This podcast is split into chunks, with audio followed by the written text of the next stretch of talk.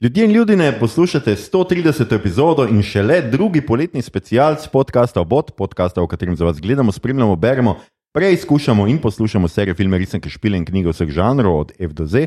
Obot, osvajalci Bežorja, oprode Dominiona, smo tako kot skoraj vedno, Mito Gigič, Servus. Igor Harp Jo, jo, jo. In moja malenkost. Ne vem, vedno to narediš, pa vedno me preseneti. Igor. Uh, in moja malenkost Aljoša Hrlamov, kot se spodobi za poletni special z dvema gostoma, oziroma gostom in gostjo. Z nami sta namreč dva trekija, a literarni kritik in kulturni novinar, radijec Goran Dekleva Ja, živijo. in doktorica znanosti in bodoča pisateljica Maša Jelušič. Živijo. Uh, živijo, kako sta, v redu, kako preživljate poletje? Vroče. Vroče, kakšen ja. izviren odgovor. Uh, Goran pa ti?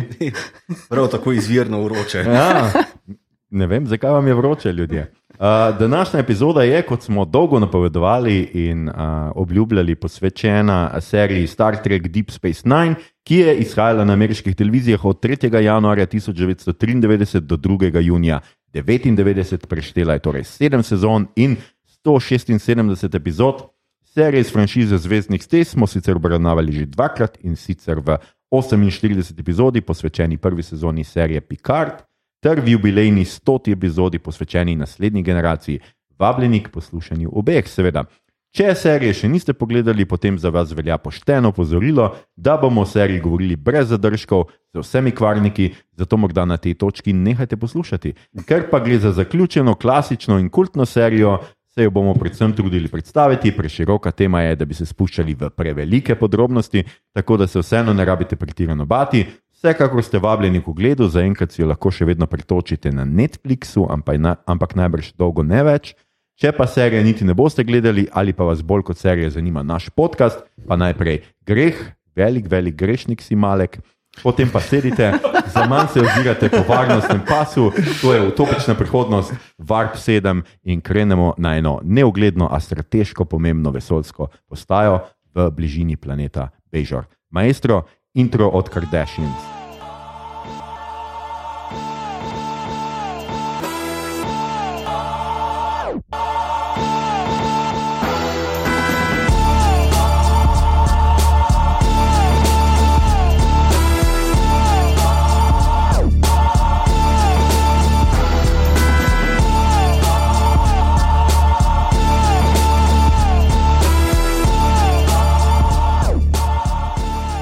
Živijo, to je to, skratka, poletni specialc, tako kot smo obljubili, smo uh, tudi se čez poletje zbrali z dopustov in bomo danes posneli eno epizodo, super, dva gosta imamo, ki obvladata temo, tematiko uh, in seveda nadzornika, dungeon mastera, mitota, ki Itak, bo uh, skrbel za fact-checking danes na tej uh, epizodi. Ene par, seveda, teh nucnikov, ki jih je treba, če bom kaj narobe povedal ali pa bi kaj dodali, seveda me prekinte.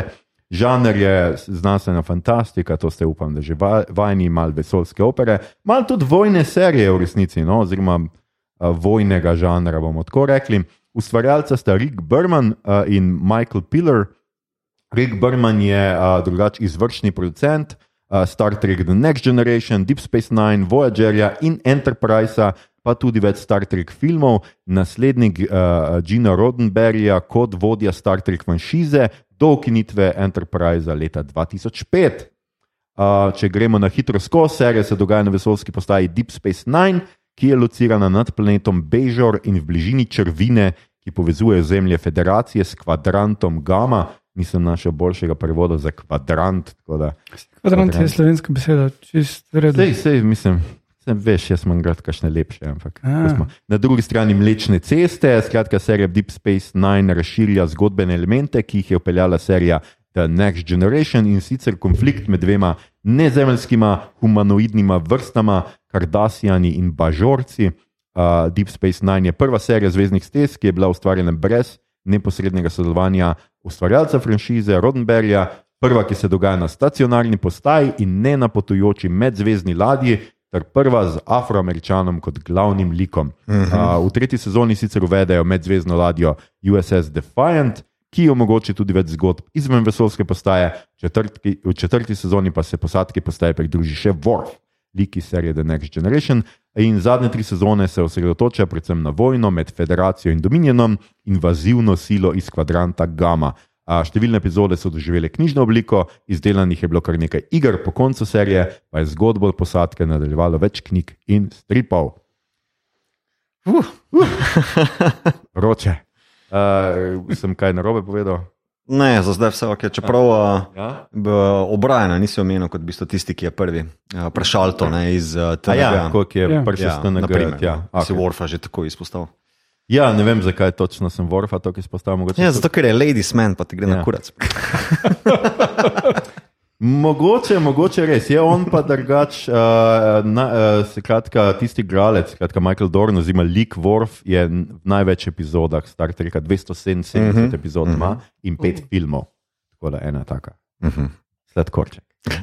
Zelo neke cenijo. Um, zdaj, igralce bomo šli sem tam najbolj glavne skozi, pa še tukaj nimam uh, kaj dost. Avery Brooks kot Benjamin Sisko, kot glavni poveljujoči oficir na um, postaji Globoko vesolje 9. Um, ga poznamo kot, mislim, jaz ga ne poznam, ampak starejši, ki to poslušate, ga poznate kot Hoka iz krimi serije Spencer for Hire in odvoda A Man Called Hawk. Najbolj pa smo si ga zapomnili, vsaj jaz, kot dr. Boba Swinja v filmu American History X. Uh, potem je, ok, spet francoski primki in to, René Aubergenois, I guess, uh, ki Ja. ga Oda. Hvala, hvala, da si požegnal mito. Uh, uh, vodja varnosti na postaji, poznamo ga kot uh, Paula Levingstona iz serije Boston Legal Fathera, uh, očeta Mal Malkahija v, v Mešu, v filmu, igral je v King Kongu, pa v The Patriotu. Uh, Terry Farrell je Jadzia Dex, uh, bolj ali manj ima tako sitkom Becker, ni, nima nekih blaznih vlog, druge zunaj. Star Trek enako je z Kirokom Loftonom, uh, ki ga Jakea Siska, nima nekih blaznih uh, akolat, oziroma nekih, zato pa jih ima toliko več Colin Mini kot Miles O'Brien, ki je kup nekih nagrad prej v, uh, pobral uh, igralskih tonijev in tako. Uh, poznamo ga iz Lair Cake, pa uh, The Englishman Who Went Up a Hill But Came Down a Mountain in Journey. Mhm. Recimo. In poznamo ga iz filma The Red podgana, irskega filma, ki je znan po tem, da nekje, kjer je scena ulice, grem jaz mimo z nahrbtnikom. Oh, wow, res. Ful je znan po tem, The pri Red. meni doma. Ja. Okay, to, se, to se bomo pa zapisali in bomo pogledali. Ta, uh, Ja. Ste slišali, drage poslušalke in dragi poslušalci? Drugače kar ok film na nacionalki, je bil že parkrat A. uh, Mladi Igor ali Igor. zelo mlad Igor. Zelo mlad Igor. Mm. Zgoraj brez Igor, ne. Ne, A, Ne. bilo je v Dublinu, a ja, ja, ja. ni tako toplo. si mislim. Ja. Uh, uh, Ar- Armin Šimmerman je Quark, um, principal Snyder, se pravi uh, ravnatelj Snyder iz Buffy, tam ga uh, najbolj uh, prepoznate, drugače ima še kup takih uh, stranskih in zelo zanimivih vlog. Aleksandr Sidik je Julian Bashir, uh, bivši terorist Hamri al-Assad v šesti sezoni serije 24, pa Doran Martel v Game of Thrones, drugače Sirijana in Hannibal sta dva filma. Uh, Nana Visitor ni kot Kiran Neris, nima nekih, tudi ne nekih vlog. In potem imamo še Michaela Dorna, ki sem ga že omenil, ki je bolj ali manj igral v, v vseh Star Trekih na svetu, tako da nima, zunaj tega nima kaj dosti cajta. Pa ta Nicole de Burr, uh, ki z- igra Ezri Dex, je pa igrala v filmu Cube v Kocki. In naslednje leto, če uh, uh, spremljate, kaj tu je, komik kone oziroma te konvencije, prihaja na Zagrebški, um, kako se že Zagrebški imenuje, pa sem bil tam, pa se sem zdaj pozabil. Na Zagrebški komik kon, skratka, ki je ponovadi uh, septembra, uh, prihaja skratka ta igralka in um, mi bomo tam, jaz bom tam ziharno. Tako da pejmo. To je to, to je ta nucnik, to je kup drugih igralcev, je omenjali bomo jih sproti, jaz si bom tole tle nastavil, ker imam zelo slab spomin za imena. In to je to, uh, kar je bilo treba prebrati, zdaj pa Aljoša bo mal tiho in bodo začeli drugi ljudje govoriti. Najprej bomo ugotavljali, kaj je Deep Space Nine, kaj je to posebnega in kam ga uvrščamo v kanonu Star Treka in uh, mito, ker si ti naš mojster Star A, bom, Treka. bom kar jaz, ali kaj? Tako je, ja, vrzi brado na ramo in pač poveš. um, kam, kam tebi, skratka, pa še Deep Space Nine uh, v celem kanonu. Ti si pač uh, za te zikr, vem, da si pogledal vse, tako da, pa da gledaš zdaj. No. Torej, ko, spra, ko vprašaš, kam misliš kot uh, vrednostno? Tudi vrednostno, ampak recimo tako, kot, kaj ga razlikuje od drugih, recimo zdaj le, ki smo delali naslednjo generacijo, od naslednje mm. generacije, pa tako. Je to vse, skratka, pač ne premikajo se večinoma prve tri sezone, je to vse, kar loči od. Uh, Ja, prvenstveno je ta razlika, torej, da se res dogaja zgolj na pos, večinoma na postaji. To je tisto, kar tudi marsikega drugega trekija, uh, kot recimo Anžeta Sultana, uh, odvrne ne, od gledanja. Um, je pa po mojem bolj pomembna tu razlika, da, ni, um, da se ukvarja, z, da se ukvarja ogromno z vojno pa da ima v science fiction pomenu, uh, dost več se mi zdi, da polaga na sociološke, pa politične, pa religiozne uh, teme ali pa fenomene. Um, ker ostali so bolj epizodično zastavljeni, to, če grem za na žanr, so, je Deep Space Nine v bistvu serializacija nekih določenih uh, tem, pa likov in tako naprej. Uh, Medtem ko ostali so pa bolj epizodično naravnani in to so glavne razlike, uh, zelo površinske. No? Mm. Uh, meni je to ena najboljših. Uh, zraven TNG se v bistvu zelo, uh, zelo podobno vrednotim. Um, pa uh, zdi se mi, da je tudi um, za pravega trikija no, ogromno doda, uh, pa tudi za samo televizijo v 90-ih. Uh, mislim, da je tle, uh, sporedno z X-Filesi, uh, se rodila zlata doba uh, televizije. Mm. Da je tukaj prav počelo vseh sopranotov, pa Better Call Solo in tako naprej, da je prav tle, prav počelo tega. Mm, um, Goran, kako se tebi zdi, ti si kar fan Deep Space Nine? Mm, Slo še mal bolj kot uh, TNG, ja se mi zdi. Aha, no, no, no. Uh, Zakaj, recimo, kaj tebi pri uh, Deep Space Nine, da bi rekel, da je boljš? Zato. Uh, Najbrž zato, ker je uh, si tim scenaristov vzel več časa, da je razdelal um, intersubjektivne odnose ne, med mm. uh, junaki. Nekako se zdi, da so napisani večkrat bolj uh, žmohtno, z več sredice. No. Um, Začenši že s tem, da recimo ne, v, v prvih, uh, prvi dvojni epizodi, ne, v, v EMI seriju, skratka, v prvih 90 minutah. Um, se soočamo s situacijo, ki je predtem v Star Treku absolutno nismo poznali. Ne? Namreč uh, ljudje, ki bodo tvorili jedro uh, um, igralske zasedbe, ne? liki se med sebojno ne marajo, nujno prav zelo. Uh, in uh, potem v naslednjih sedmih sezonah prehodimo ne, ta dolgi marš do tega, da se imajo neskončno radi. Um, ta, ta počasen vstop v to, da ne. Samo zato, ker smo vsi zelo razsvetljeni ljudje, ki razumejo, da je pač pravo poslanstvo človeka in človeštva, da spoznava pač eh, globine vesolja in uh, ob tem spoznava samega sebe. Uh, in da zaradi tega, seveda, smo vsi na isti valovni dolžini in se fantastično razumemo, takoj ko se. Poznamo, ne, tako kot si rečemo, živijo. To je nekoliko mogoče prekratka uh, Rodenbergjeva uh, domneva, ne? in se mi zato zdi, da um, so se scenaristi odločili zelo fajn, da nam bodo pokazali, seveda, kako se zares sklenejo pač, um, prijateljstva, ki segajo onkraj uh, kulturnih, civilizacijskih, specifičnih meja. Ne? To je nekaj, kar je res neskončno dragoceno. Jaz ne vem, ne, pač, recimo v TNG-ju mi vemo, da Jordi pa Dejta rada skupaj slikata, mm. ampak iz tega nikoli nič ni narejen. To pač je en tak, tak uh, droben poudarek, ki so ga nekje tako usput navrgli.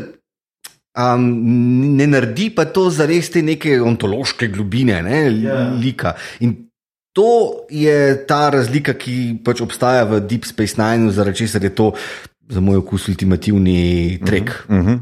uh -huh. ja, lepo. Okay, kar, kar podpišem. ja, ja, uh, uh, Maša, kako se tebi ja. zdi, kje je tebi uh, Deep Space Nine?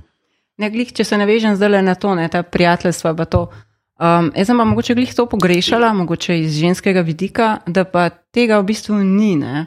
Nekako imamo, imamo um, odota, pa celo kvarka, ne, imamo ta mm. frenemi šip, celo imamo pol pa Širja, pa imamo Brian. Pač imamo vse te, vsa ta moška prijateljstva, dočim pa med dvema zelo močnima likoma, ki se mi zdi, da tle pred Deep Space Nine res so končno začeli mal. Razen to, da so v bistvu ona dve čist prelepe. Um, sta, sta, ne, sta v bistvu res ful, ful dobro spisana lika in vse. Mm. Ampak nima ta, um, ne vem, zakaj se scenaristi niso odločili, no, sicer, kot sem poslušala na enem dokumentarcu, je celo je rekel, da ima malo žal, da niso šli tle malo globi. Mm -hmm. Enostavno, um, one dve recimo pa nikoli tega ne razvijeta. Ne? Oziroma, jaz saj tega ne čutim toliko in mi je ful preveč teh moških zgodb. Mogoče. Vse so lušne, vse so fino, mm -hmm. ampak mm -hmm. v Star Treku mogoče pričakovala tle pa mečkam več. Mm. Ja, skratka, Kira in Džadzija. Ja, mislim, Kira pa Džadzija. In je ful premalo, v bistvu vse, kar je se v parih epizodah dobite skupaj, tam sta v kopalkah. Um, debatirata o razmerih. Ja. Ja, ženske, očitno v 24. stoletju, si še vedno brijajo pod pazduhe, še vedno se ličijo. Ne, upam, da to bodo takrat že pa se, da bomo nekako nekak isto. Ne? Um, ja, in se pogovarjata v bistvu samo o razmerih, samo o ja. teh bivših ljubimcih. To je problem Brmana. Ja. Dobesedno enake scene so v TNG-ju med Krašerjem in Dieno, mm -hmm. trojki, ja. ki je aerobiko delec. Ja. Ja. Mm. Pa nima tiste scene nič. Zgodbi ne dodaj, recimo, razen tega, da pač gledaš, kako se oni dve zvijata tam, pa da ponovita stvari, ki so se ja. zgodile. Ja. Mm. No, jaz bi to recimo rada videla z dvema ženskama, ki bi imela mogoče še en trebuh, ne vem, kratke noge, recimo ploske pa bi recimo naredili dva fulj zanimiva lika, ne? da bi naredili recimo tudi neprivlačno žensko privlačno. Ker konec koncev Jadzija Dax ima toliko drugih elementov in tega, da bi se jo, po mojem, če bi dali eno drugo, igro, je full dobro, terrifying, mislim, res, wow, top, igra tudi eh, na na vizitor, mislim, super igra vse. Ampak se mi zdi, da tle mečkan te globine, jaz je nisem čutila, no? mm, mogoče mm. čistko iz eh, tega. Ja, mislim, da se temu, seveda, serije nikoli ne bodo izognile, da ne bi vsi izgledali, da so iz manekenske piste prišli do. Se bojo.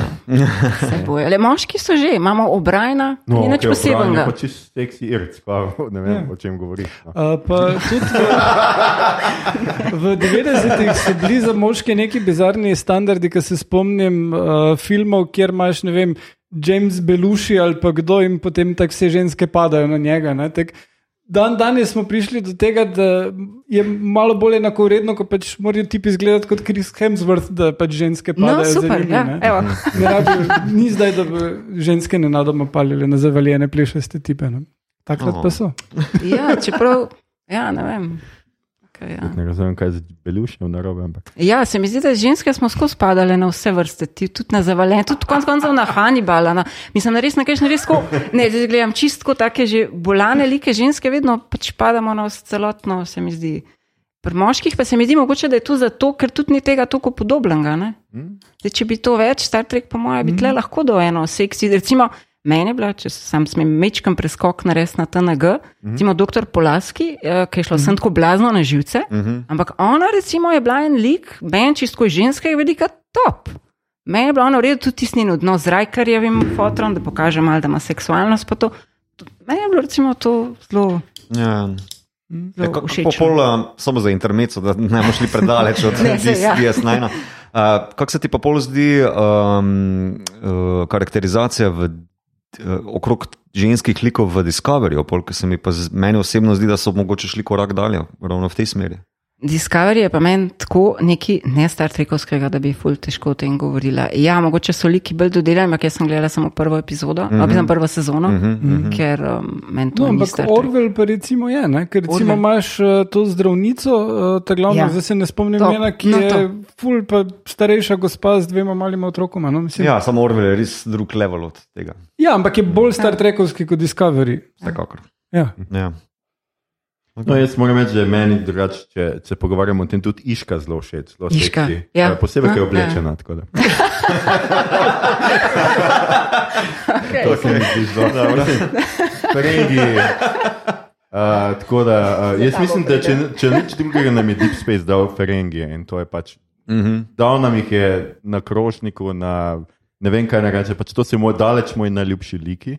Uh, v, um, v, v Star Treku in tudi zdaj, ko gledam Voyager, ki sta se pojavila v dva Ferengija, to je ena top mojih epizod. No, to, res, kako lahko greš v nek drug kvadrant, pa ne vzameš niti enega Ferengija s sabo, da bi tam nekaj zaslužil. Kaj- to se kaj mi pa- zdi nefer. Kaj pa ti je pri Ferengijih? Veš kaj, meni všeč ta usporednica, ker v njih res vidim totalne kapitaliste današnjega časa in se mi zdi to taka. In so tako mal pretirani, tako so karikirani, da se mi ful, ful blazno všeč. Pa všeč mi je, ker mi je to všeč, ker jih po všeskih tako božajo. To imam tudi jaz malo rad, no, pa, mi, to, pa se poistovetim, tako da kaj ne rečem. No. Preprost človek sem. Kako kak se že reče temu? Umox. Umox, ja. Ja, ja, ja, ja. To je, to, je, to je fajn ta tehnika. Ja.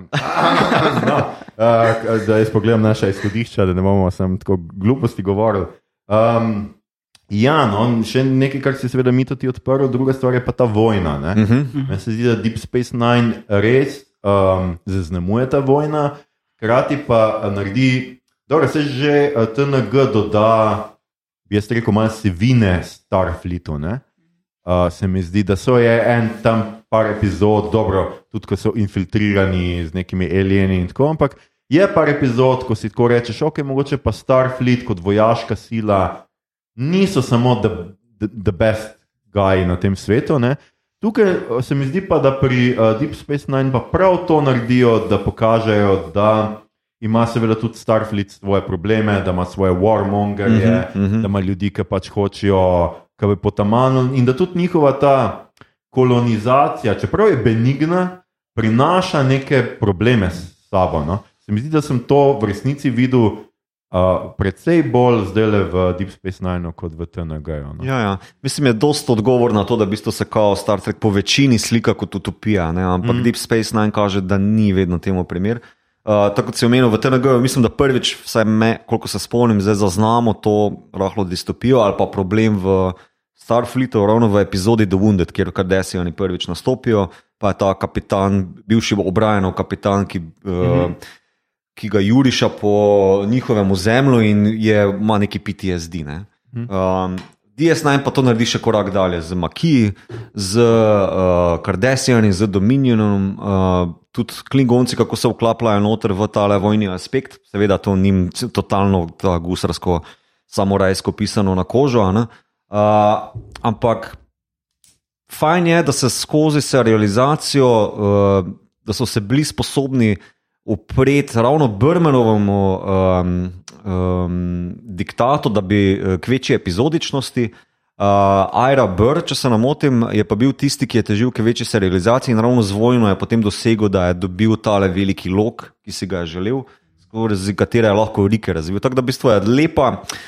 Kvalitetna vstopna točka, ki, torej, ki hkrati komentira sam Star Trek z serializacijo, hkrati pa v bistvu omogoča njihovim likom dosti večji razpon pa uh, globino, kot pa je bilo prej možno. In tu ta, na večjih levelih meni to dela, uh, ta uh, poskus pisanja, oziroma način, kako so se uh, lotili tega. No? Tako da ni zgolj zdaj, ne vem. Uh, Nekako gigovsko, kao približevanje Star Warsom, da imaš pil, pil, pil, ne vem, neki te fore. Ne?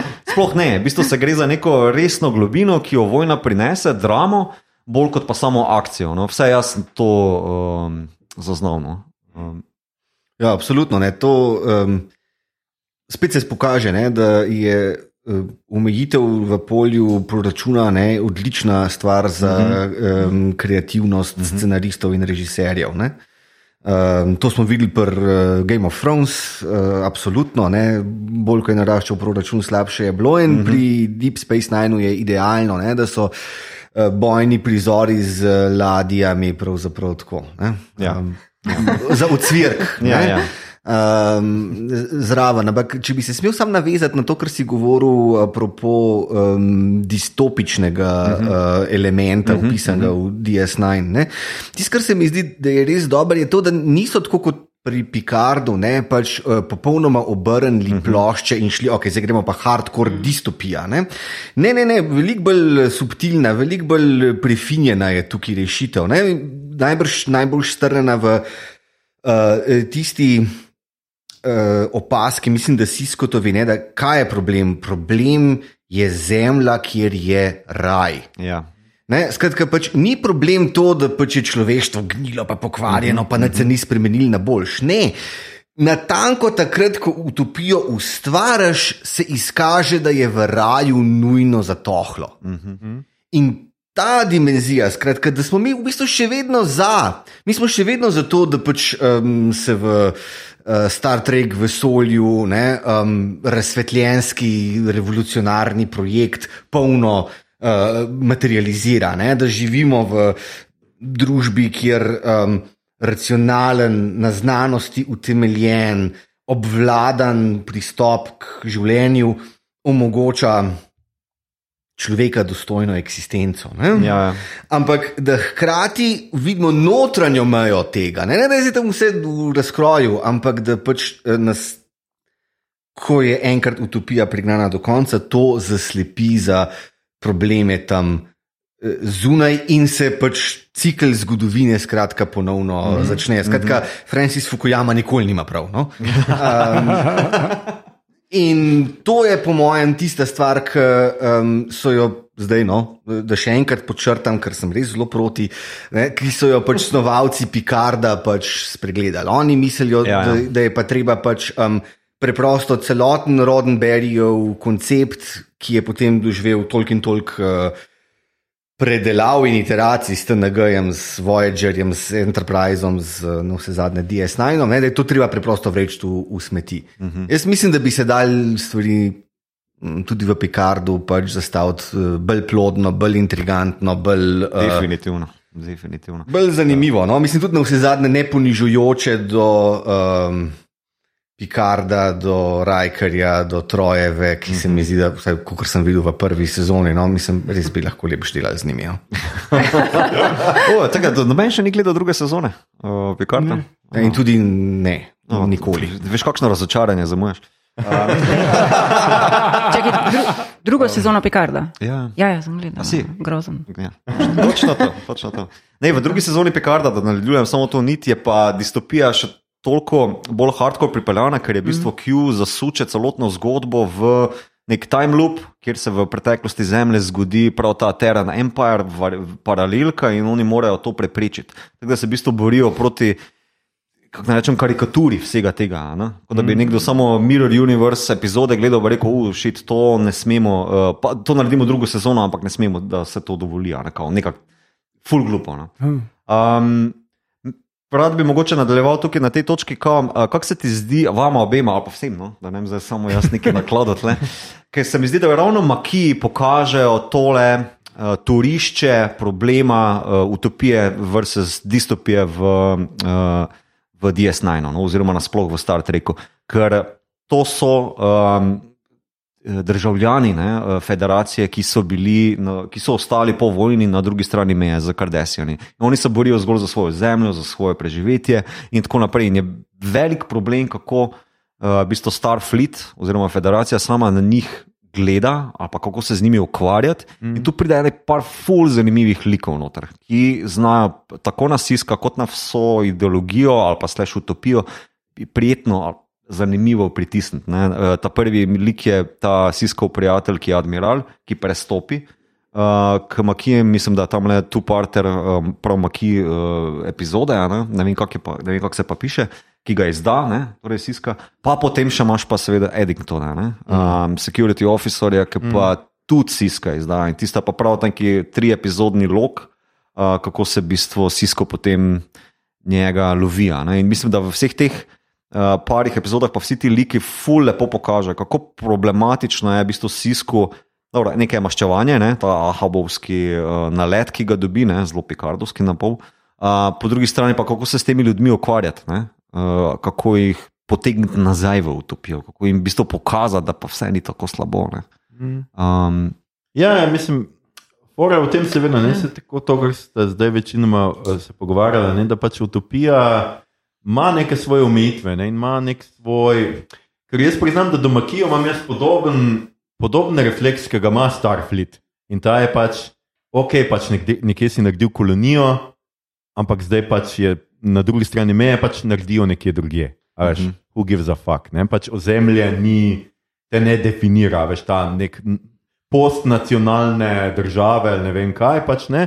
Po drugi strani pa ja, valjda si rečeš, ne, nekdo si je tam ustvaril, nekaj potegnil iz noč, naredil nekaj, zdaj bo pa vse tam pustil, pa šel nekam drugam. Samo zaradi tega, ker je nekam, ker ne ker meja padla, ampak ker, ker desenih seveda načrtno uh, napadajo, jim tam onemogočajo, ne vem, in pač otežkujejo življenje v resnici, Ja. no, samo zato, da bi jih pregnalo tam. Ne, in je pač čisti rasizem. Ne. Mm. Kaj dejansko naredi, čeprav meni je pa, uh, ko si omenil to, ravno zaradi tega mi je pa všeč, so mi te epizode s Siskom, ko on dobi ta maščevalen, liam nisen moment, uh -huh, veš, uh -huh. zdaj pa ti si me izdal, jaz te bom pač celo vesolje bom prebrodil, da te najdem in te pripeljem v Starfleet. Uh -huh. Se pokaže, da on ni čist stotstotno pozitiven lik. Ne? Mm -hmm. Jaz lahko razumem, da pač makiji so problem, ne morem pa razumeti te neke maščevalnosti, zaradi tega, ker so tebi izdali principe, Starfleeta boš ti zdaj te ljudi gonil okrog. Ne? In tu noter, in to se mi zdi pač tisto, kar je the best in kar pač to vojno Starfleeta, oziroma kakorkoli že s kvadrantom, uh, uh, uh, dviguje uh, kot temo, je to, da fulje teh tem, ki kažejo pač vojno kot nekaj grdega, kot nekaj, kjer ni nobenih junakov. Ne. Jaz se ne bolj spomnim, kaj je pač ta, ki ima, skratka, Jake, ta Hemingway moment, Aha. ko on gre na fronto in se sprašuje o strahopetnosti, o tem, a si strahopete, če zbežiš takrat, ko je pač brezizhodna situacija. Mm -hmm, mm -hmm. To so take res sjajna, sjajna vprašanja. Ki nimajo enoznačnih odgovorov, in ravno zaradi tega so pač tok v redu. In to je tisto, zaradi če- česar radi gledamo Star Trek. Ne, ne zato, da bi ti on zdaj pojasnil, tako je prav, taktik, ampak ker po eni strani siska razumeš, pa ga ne razumeš, razumeš Starfleet, pa jih ne razumeš, razumeš makije. Pač tako je v realnem svetu. Ne? Mhm, Tako kot je zdaj, pač, ko se prepiramo, a je Putin najslabši človek na svetu. Lahko benem rečeš, hkrati pa vseeno lahko trdiš, da NATO ni zdaj glih uh, rožic, mm. ne sedi po celem svetu. Ne? Torej, Ampak ljudje nočejo tega, ne? ljudje hočejo enostavne. NATO so dobri, Putin je zloben, ali pa tudi tako imamo. Putin je heroj, NATO je pač, zlo, uh, pač zloben. Ne? Pač imaš tako. In se mi zdi, da tu takim ljudem, ki se zdaj prepirajo o vojni v Ukrajini, je pa res za priporočiti Deep Space Nine. Oh, wow. Ja, ja, ja pa ne, ne, ne samo Deep Space Nine, tudi spet, nažalost, moram spet nazaj v TNG, ampak ker se začne vse to z bežorenimi.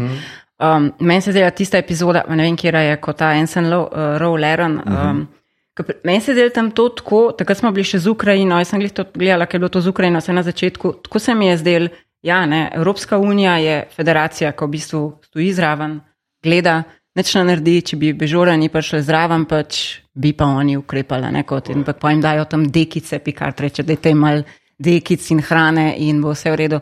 In to, kar tle Deep Space Nine, ja, meni je to čist, meni je to Ukrajina, meni je Putin, uh, Galdukat, meni je to čist. Ne, mislim, Okay. Ta, močno, ja, okej. uh, ne, tem, mislim, prej je veljalo bolj, da, gre, da gremo tle bolj na to stran Hitler, nekako se vem, da o tem, kao ni glih. Mm. Bi me profesor Sešumjeva malo kregala, da se o teh stvarih ne govori tako, ampak se mi zdi, da, da so to take stvari, ki so tako očitne in tle je res to tako prikazan. Dukat, on hoče, da bi ga imeli bežorani radi, on hoče, da bi oni videli v njemu, da je on oh in sploh in on je njihov vem, Mislim, zelo podoben se mi zdi kot če zdaj parafraziramo Putin, ne, Ukrajinci so moji, ne, to je moj narod, vi ste naši. Ne, in je zelo, ja, za zdajšnje čase um, se mi zdi z Deep Space Nine, de, še posebej recimo šesta epiz, uh, sezona, pa pol v sedmo naprej, se mi zdi top, ne, res prav to. Um, Ja, je super, Ja. ja. to je super. Ta Galdukat, ta eh, ideja mi je zelo dobra. To je tak ful dober prikaz populista, ne? Ja. ki noče samo osvojiti ja, ozemelj, on hoče osvojiti srca teh ljudi, ne Ja, ja. razume, zakaj Tako, ga sovražijo. Ja, ja. Ja. Meni je to tako, tok ti gre na jedra ta človek, ker pač Ja. ja. kako ne, raz- človek pobil si jih, ne vem koliko, Ja. ja. zdaj bi pa rad, da te imajo radi. Če kaj že on stavek, ki mi je bil tako vedno všeč, ko v bistvu tam v Junu razlaga, da v bistvu ni point, da jih streš ultimativno, ampak da zmagaš tako, da oni razumejo, da si je bilo jalovo že v defaultu se proti tebi boriti. Eno se je to pač zaključek uh, 1984. Ja. Ja. ja. Da si ne doseže to, kar pač se je enako tam zgodi. ne. Uh, ampak uh, to, tele sporednice z Ukrajino so na mestu, ampak koliko pa mislite vi, da je uh, pomembno, da je nastajalo to v času vojne na Balkanu oziroma vojn? zelo. Uh, koliko so, ja, ampak vseeno, ustvarjalci teh uh, serije so bili bistveno daleč od teh vojn. Mi smo bili dosti bliže, ker smo pač tu doma. Ne? Koliko mm -hmm. so se oni zavedli, koliko je to vplivalo na nek podzavesten ali pa tudi zavesten način na te teme, ali je bolj pomemben mogoče bil Irak, ameriška izkušnja. Uh, z, z os, osvoboditvijo Kuwaita in, in invazijo Iraka. In bilo, mislim, Vse nisem zasledil, da bi jim bilo toliko bolj pomembno kot pa je naprimer palestinsko-izraelsko vprašanje. Ne? Uh Mhm. -huh. So pa neki bombončki, naprimer tam en USS Sarajevo, ki zgine v neki bitki, naprimer, ampak to je tak uh, candy uh, Ja, ja. varianta, bolj ki se mi ni. z- Mislim, vprašanje etničnih uh, sporov ne, je tle prisotno, ampak mislim, da ni toliko v tem domeni. Um, Ja, ne, mislim, da to ni bil edini konflikt takrat. Ne? V Ne, tistem času si še imel tudi Ruando, imel si Ruando. uh, Izrael, uh, vsekakor uh, ZDA so delali grozne stvari po vsem svetu, tako Ne, bi rekel, jaz, jaz ne jemljem tega tako, prej bi rekel, da je konglomerat ali pa nek Ja. ja. uh, sprijenec v bistvu vseh teh nekih aspektov vojne, ne? ker ne bi zgolj mogel reči, da v bistvu jaz se pa grejo za tle. Uh, dosti balkansko zgodbo, kot je bila, mm. ne, ali pa da je komentar na to. Ne, um, mislim, bolj, a je bilo to mogoče tako kot uh, v, ravno včeraj sem gledal uh, Noč uh, živih mrtvecev in se prav spomnim, kaj je Romero razlagal, da vse stvari, ki so naveze, navezave na vojno in, in rasizem in tako dalje, ki se. Uh, ki so dosta očitne, ko gledaš ta uh -huh, film, uh -huh. da oni, ko so ustvarjali ga, niso tega zavestno oddali, so pa se medtem pogovarjali o politični situaciji in je pač enostavno se znašlo tudi not v, v končnem izdelku. Ne. Ja. Um, ne? Mislim, recimo- ja. Ne, se sam, samo en stav, v bistvu, da tle vidimo, glih pri tem tvojem vprašanju, ko smo vse, vse te vojne vam povlekli, kako so vse vojne v bistvu enake na nek način. Mm. Posod gre za, za v bistvu iste stvari in se mi zdi, da Deep Space Nine to full dobro, vse te, prav se mi zdi, te sive cone vojne v bistvu vam povleče, ne sem ti s črno-belo, ki te ponavadi vedno po zmagovalcu, ne se vemo, imamo vsi učbenike, ki jih pišejo zmagovalci. Uh, tle se pa res prav te sive, pa ne samo tudi od posameznih zgodb grejo ven eh, sivina zeva in to se mi zdi v bistvu ena ful taka velika zapuščina, no, Deep Space Nine. Ja, absolutno. Mislim, mogoče bi se dal tudi trditi, da je Deep Space Nine ne toliko zgodba o um, ne vem, peacekeepingu v Bosni ali pa v Ruandi ali kakorkoli, ampak je pač pravzaprav zgodba, vsaj kolikor se pač dotika uh, položaja planeta Bejor, ne, da je to pač zgodba o evropskem kolonializmu in uh, ne, kaj se zgodi, ko kolonialni gospodar odide. Ne. Uh, skratka, nek uh, socialni, ekonomski, politični vakum zazeva, v katerega se družbe, ki so bile načrtno pauperizirane, zdaj v primeru Bejorja, koliko 60 let, ne, uh -huh. uh, se zvrnejo v um, en zelo neprijeten položaj. Skratka, pač um, zgodovinskih paralel ne, se da povleči, tako, tako kot je bilo rečeno, ne ogromen, ker je na tanko, seveda, znamenje zelo dobrega storytellinga. Ne? Mm.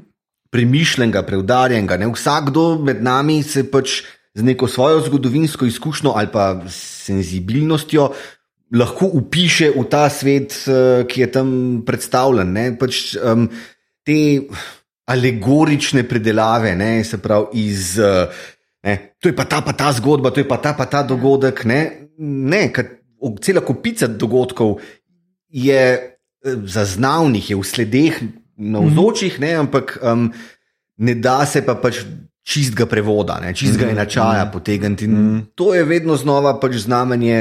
Uh, Dobrega pač ustvarjalnega tima, ki stoji za, za projektom, najbrž. Uh -huh. Ja, seveda, mislim, se ravno to. Ne, mislim, da se stvar na različne konflikte, kot je Maša rekla, ne, da pač tle neke sive cone so noter. To je to, mislim, sej v končni fazi tudi vse svetovne vojne, vse tle lahko not vidiš. Aldukat je lahko marsikaj, ne samo Putin, ne, lahko je tudi Trump v svojem populizmu. Lahko, O ja, marsikdo Ma, iz naše marsikdo, zgodovine. ne, Je, je, je fino narejen, ampak ja, spet smo pri tem, da so tle pač čudoviti liki. Ne, mm -hmm. Predvsem spet Star Trek tle preseneti. Jaz pač imam vedno ta mislim, problem. Ker sem gledal izvirno serijo, pa pol prešal to na Next Generation, sem bil najprej pač par epizod tako. Pa kdo so ti ljudje, kako niso zanimivi, pa ne vem kaj, pol seveda je tako, imaš pikardove posterje na stenah in ne vem kaj. Pol seveda se zamenja spet in spet, ko pa kdo so ti ljudje, pa zakaj morajo biti drugačni, pa ne vem kaj. In pol si spet, ko oh, wow, vse poznam, tako zelo intimno um, in, in je to fajn. In mogoče na tej točki glih gremo pri, eh, k temu, seveda, da omenimo svoje najljubše like, da se mogoče tako No, že. prehodimo uh, skozi uh, skoz serijo. Začeli bomo uh, seveda z našima gostoma, pa mogoče Maša ima prednost, ker ima moj najljubši lik, mi je ukradla. Naj, naj bo, naj ti bo Maša, Ja. tako da skratka, tvoja, tvoja, vsi smo nekako dva napisali, se mi zdi, tako da dajmo skratka dva glavna lika. Kot sem že izven, je treba rekla, ne mi dva z Jazijo se poznava že odprej. Da, um, ja, Bila gostiteljca njenega eh, črva, ali kako bi človek temu rekel. Ne? ne, to je bil tak zelo čuden stavek za tiste, ki niso gledali Star Treka. Ja, Ampak ja. ja. Um, ne, jaz sem v bistvu tudi na Deep Space Nine prišla zelo pozen. Um, Mhm. Jaz sem prišla na Deep Space Nine šele, mislim, da je ne deset let nazaj. Aha. Tako da sem ga isto, tako da te Zelo- čisto razumem. Zelo, zelo pozen, ja. Ja. Res, Kako si drzneš. Ja, ne, mislim, nekje pribli, ja, nisem bila pač tako kamito, ne, ki je bil že skoraj rujen s tem. a ne. Aj, to je na pol res. Uh, ampak ja, in me, isto me je v bistvu prvo to motil, uh, da gre za vojno, pa da so samo primer, pa da to se mi zdi brez veze. No, in pa me je soseda prepričala, da ne, da to moram nujno gledati. In jaz sem se, po mojem, že v ene druge epizode, jaz sem se dobesedno skoraj zaljubila v Jazijo. Mislim, meni je bil to tako dober lik. Predvsem zato, ker je, to je tako odprt lik, meni se zdi najbolj odprt, prijazen lik. Jaz pač jaz sem usekana na prijaznost, to posod in povem. In meni res, meni je ona neki najbolj prijazen, pa hkrati je pametna, hkrati je okay, lepa vse. In um, ja, v bistvu se sploh ne vem, kaj drugega bi rekla. Vse njene epizo epizod njenih je ful premal. Premal so jo razvili, popolnoma premal so jo razvili. Mm. Karkoli tudi to, vse so probali neki s temi njenimi prejšnjimi gostitelji, pa vse mm. to, ampak. Uh, meni se je vse zdelo kot Diana, pa tisti njen otrok ali pa ne vem, Gates McFadden, pa tista njena irska rožica. Ne vem, tako. ja, Prav, recimo, za razliko, kar je meni pa pri njej ful všeč, je pa to, da ona, ki je skupaj z Worfom, ne izgubi To. identitete ja, to. in je še vedno pač svoj lik. Ja, no, njuno razmerje je to. Meni Worf predtem sploh ni bil všeč. Ne, ne, Um, še zdaj ni zato, ker pač Jadzija je moja. Uh, ne, ja, mislim, polka sta res z Worfom prišla skupaj. Meni je bilo to fuldo. Mislim, najprej sem izvedel, kaj. A pol vidiš, že v bistvu tudi tisti, ki sta oni, sem dala tudi eno izmed najljubših epizod, ne Rejoint, tega tudi ne smemo pozabiti, ki je bil v bistvu prvi poljub sploh dveh žensk v Star Treku, to se mi je zdelo top, predvsem se mi je zdelo pa top, kako je bilo to izvedeno. Mm. Jazzija je bila tle čistka. Ni bila tako, kot recimo Gates McFadden, ki je videla tam ženska, ja, ne, to je pa nekaj čist nenaravnega. Mm. Ni bilo tako, ni to dol visel, to sploh ni bil en issue. Mm. To se mi je zdelo, recimo, full dobro speljan, full dobra igra. Um, res, mislim, ja. Ker se pa tiče nju in glih v tej epizodi, ne vem, so to že naprej vedeli, da tale. Um, Kaj že vem, vem, da se piše kan, ta uh, trilka njena, ne, mm -hmm. uh, bivša Lenara. žena, v- le, Lenara. Lenara Khan. Ja. No, ona da v bistvu njej uhane uh, klinonske. Ne? Da bi že takrat vedeli, ne vem, so okej. že vedeli, jako darilo, ne, in reče, mm. jaz nikoli nisem bila za to in nekako, da so nakazali, da boste pa pol. A, jaz sem to razumel, da zaradi tega, ker je Curzon bil ta prejšnji. Tudi, ja, ja, ampak tako nekako je en, en tak ja, lep oh, ja. most. In potem, ko sem zvedla, ne, nekaj pri peti epizodi, kam je soseda rekla, da jo bojo ubili. Jaz, jaz sem šesto epizodo tako težko gledala, ker sem sam čakala, ker mu delo je bojo fental, in pa sem zgooglala in tistega dela nisem gledala. Ne, ne morem, jaz. Za me, če zija živi, vem, da je bil Gal Dukat, vem, da je bilo brez veze, ampak jaz tega ne morem gledati, ker to je bilo čist brez veze, še posebej, ko pa zveš razlog. Uh -huh. Govorice so svašta, pač oni pravijo, da to veste samo ona dva z Bergmanom, a ne kaj se je dogajalo, ampak od izjav, ne vem, da je imela premehno prsje do, mislim, whatever. To se mi zdi pa sploh potem razlog, da so jo pa stran dali, se mi zdi pa sploh čist, um, čist memno. Ker ona tudi v tem dokumentarcu, verjetno, ti si gledal, verjetno ne tudi pove, da ona ni hotla iti stran, ona je hotla sam pač Ja, da malo zmanjša, da bi se posvetila Tako. drugim projektom. Ja. tako. Ne. Ni htela iti pač od, Ja. popolnoma Ja, opustiti, ne, samo in, pač pot- malo manj. in vse ostale zgodbe, tudi da so jo dali stran. Se Ezri je pa tudi super, odlična. Mm. Um, ampak ja, tako da. Ja, ne morem čisto nadomestiti Jadzije, jaz tudi mislim, da ne. Ne. Predvsem ja, to jaz tudi imam. Ona je za me tako Han Solo, Star Trek vesolja. Pač taka, Ja. Rada pije, rada ja. Ja. zabava se, feringe ima rada. Ja. tudi je. Uh, ja, veš, pa ko si Ja. ti že res, mislim, to vpliva na lik, ko si ti ne vem, toliko življenj preživel, ti pač ne vem, izgled nič ne pomeni. No, Ja. vedno pač te, ima rada te različne top. rase in tako. Ja. To je meni to lepo, no, se mi zdi, da je. Unga s prosojno glavo. Ne? Ja, ja, ja. Ja. da, ker se mu možgani To. vidijo. tako je. Ampak pri njej res to čutiš, pri njej res vidiš, da sploh ni, da vidiš Ja, no ja. issue. Tako. Tako da, ja, ona, ona je super. No, tudi drugi lik, ki si ga zbrala, je ženski. Uh, to je pa Iška, to sem pa samo zato zbrala, ker pač se mi zdi res uh, Iška uh, tukaj nekako, da res predstavljam, ali pred, ker te Ferengi so meni osebno res niso všeč in to.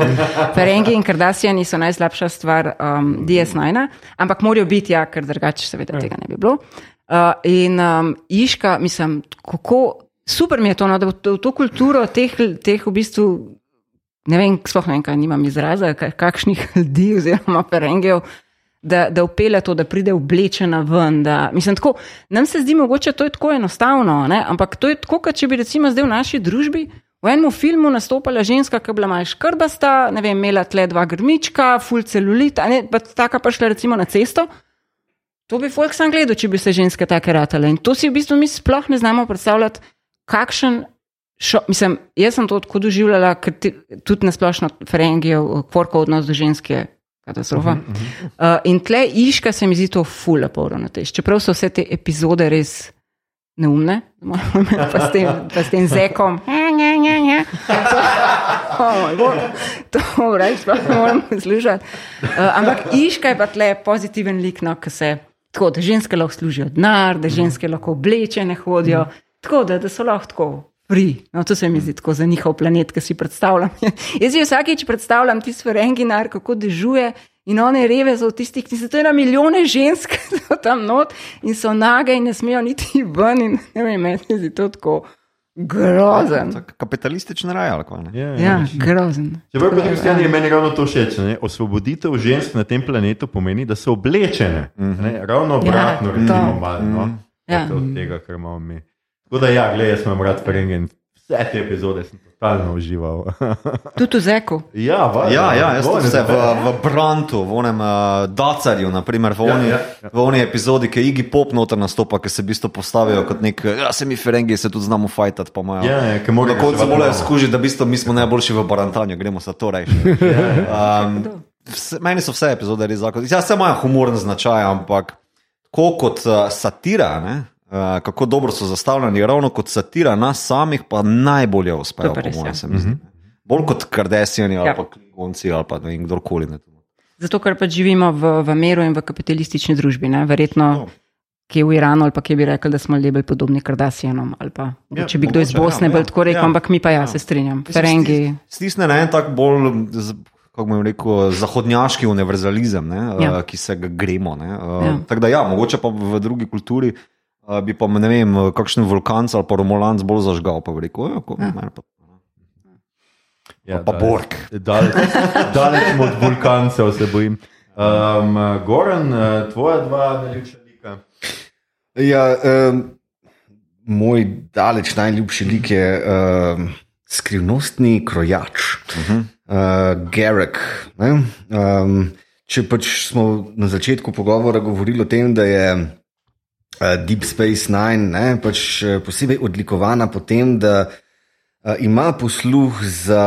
Uh, delanje sivino, ne? potem pač bi težko našel junaka, ki bi bil bolj siv od uh, Gerda, kako siv, seveda v tistem uh, pozitivnem smislu besede, ne da je neskončno dolgočasen, ampak ravno obratno, ne? pač uh, moški um, mu nikoli ne zmanjka. Pač, um, Retorične cvetke ali dveh, ne, nekdo, ki uživa na tanko, ne, ki, katerega um, fizični užitek v um, spakedrani govorici ne, je palpabilen. In to je nekaj, s čimer se jaz eh, izjemno, izjemno lahko uh, poistovetim osebno. Ne, tako pač, uh, to je točka vstopa v. Uh, uh, velik. Um, hkrati je pa seveda pač absolutno nepogrešljiv za to, da upravi tista dr, grda dela, ki jih je treba upraviti, kadar uh, ne pač. Um, morala Star Trek, uh, mislim, federacijskih oficirjev pač uh, stopil na poto. Ne? Skratka, mm. je, je absolutno nepogrešljiv um, zgodbeni motor. Mm -hmm. um, brez njega preprosto uh, uh, ne bi bilo pač uh, zgodbe, ki jo spremljamo sedem sezon. Ne? No, na, na drugi strani, seveda, ne, um, je pa pač moj najljubši stranski lik, uh, ki je tudi na nek poseben način izjemen dosežek uh, uh, scenaristov. Ne? Skratka, Morn, ne, barska mušica v Korkovem baru, uh, ki v sedmih sezonah, ob tem, da vsi vemo, da je absolutna gofla, da se ga ne da ustaviti, mm. ko pripoveduje, da ima orjaško družino z ne vem koliko več kot 30 brati in sestrami, da ima tiransko mamo, ki pač uh, ga, ga pravzaprav ne še kot odraslega moškega, pravzaprav absolutno uh, uh, zatira in more pač plesati po njenih um, navodilih. Ne. Vemo, da je pravzaprav, um, kasneje se izkaže, ne, da je. Um, nek princ ne, iz kraljeve mhm, družine, mm -hmm. da je u, u, u, pobegnil z orjaško vsoto denarja in tako naprej. Skratka, vse to vemo. Ne? In človek v sedmih sezonah na kameri ne izreče niti enega mhm, stavka. Mm -hmm. Dosež to. Mm -hmm. Dosež to, da pač Quark v enem izmed bolj nepozabnih momentov ne, pač predlaga 286. pravilo uh, kaj, ne, trgovanja, nakupovanja, ne, mm. rule of acquisition. Ne, um, when Morn leaves, it's all over. Ne, ko Morn zapusti prostor, je vsega konec. Ne, in, ne, pač, um, to, to so. To dosež, ne, skratka, iz uh, um, lika, ki mu ne daš več kot par sekund pozornosti v vsaki epizodi in enkrat ne, ne spregovori, ne, mm. kapo dol. Mm -hmm. Ja, ja jaz sem ja. tudi reči, da Tista epizoda, ki pač zveš to zadje, Mornova je tudi ena mojih mm -hmm. najljubših. Morn for Morn. Ja, ja, ja. ker je pač tako, kaj, mislim, mislim, odkot hecate se. Drugač pa ja, tudi Garak, seveda, je eden uh, uh, najbolj finih. Mene vedno tako tudi to na ključe, ki je on krojač, pa pol imaš to znan, ta roman uh, Lekareja, ki omenja krojača, mi je vedno bilo tako taka kosmično na ključi, ali kako bi človek rekel. Uh, pa meni je on ful všeč s temi uh, namigi, ki ima vedno. Pač vsak, njegova, vsak njegov stavek je tako dvoumen. Mm. Ja. Nikoli ne veš, kaj ti hoče povedati, čistočen. Pa vsake, seveda, si izmišljuje nekaj, mm -hmm. kaj je on počel prej. Imáš nekih 86 variant, On ima vedno nekaj, da pa vsi vemo, da laže. Mm -hmm. to tako, res mi je tako všeč. No. Ampak, seveda, ne, zdaj, poanta je ravno v tem, ne, da kot uh, nesmrtno pripomni ne, v pogovoru z Baširjem. Ne, uh, vse, kar sem povedal, je res. Ja. Ne, še posebej resnične so pa laži. Tako je. ja, ja, ta, ta zmaga. Okay, ja. Tako da, ja, no, super, super uh, lika. Um, Igor, tvoj najljubši je Odo. Ja, Odo. Ja. Uh, si, kot sem prej rekel, je tako tabula rasa. Mislim, shapeshifter je, kar mi je zelo kul cool koncept, da dajo not. Mm. Uh, zelo v redu mi je tudi, koliko postopoma pač njegov background uh, uh, uh, pač razkrivajo, pa ta njegova moralnost, ki je mhm. vseeno uh, drugačna kot.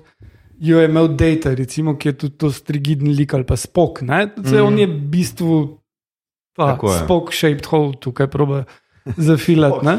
Oh. Uh, Lepo. In, uh, in je pač čist drugačen v tem, tako kot je bil Data, drugačen je, je tudi on. In, uh, pač v sklopu vsega tega vojne in vohunjenja in vsega tega pride nastane bistveno bolj kompleksen lik, uh, kot uh, boš na začetku pričakuješ. Mm. Mm. Tako da je. Ja.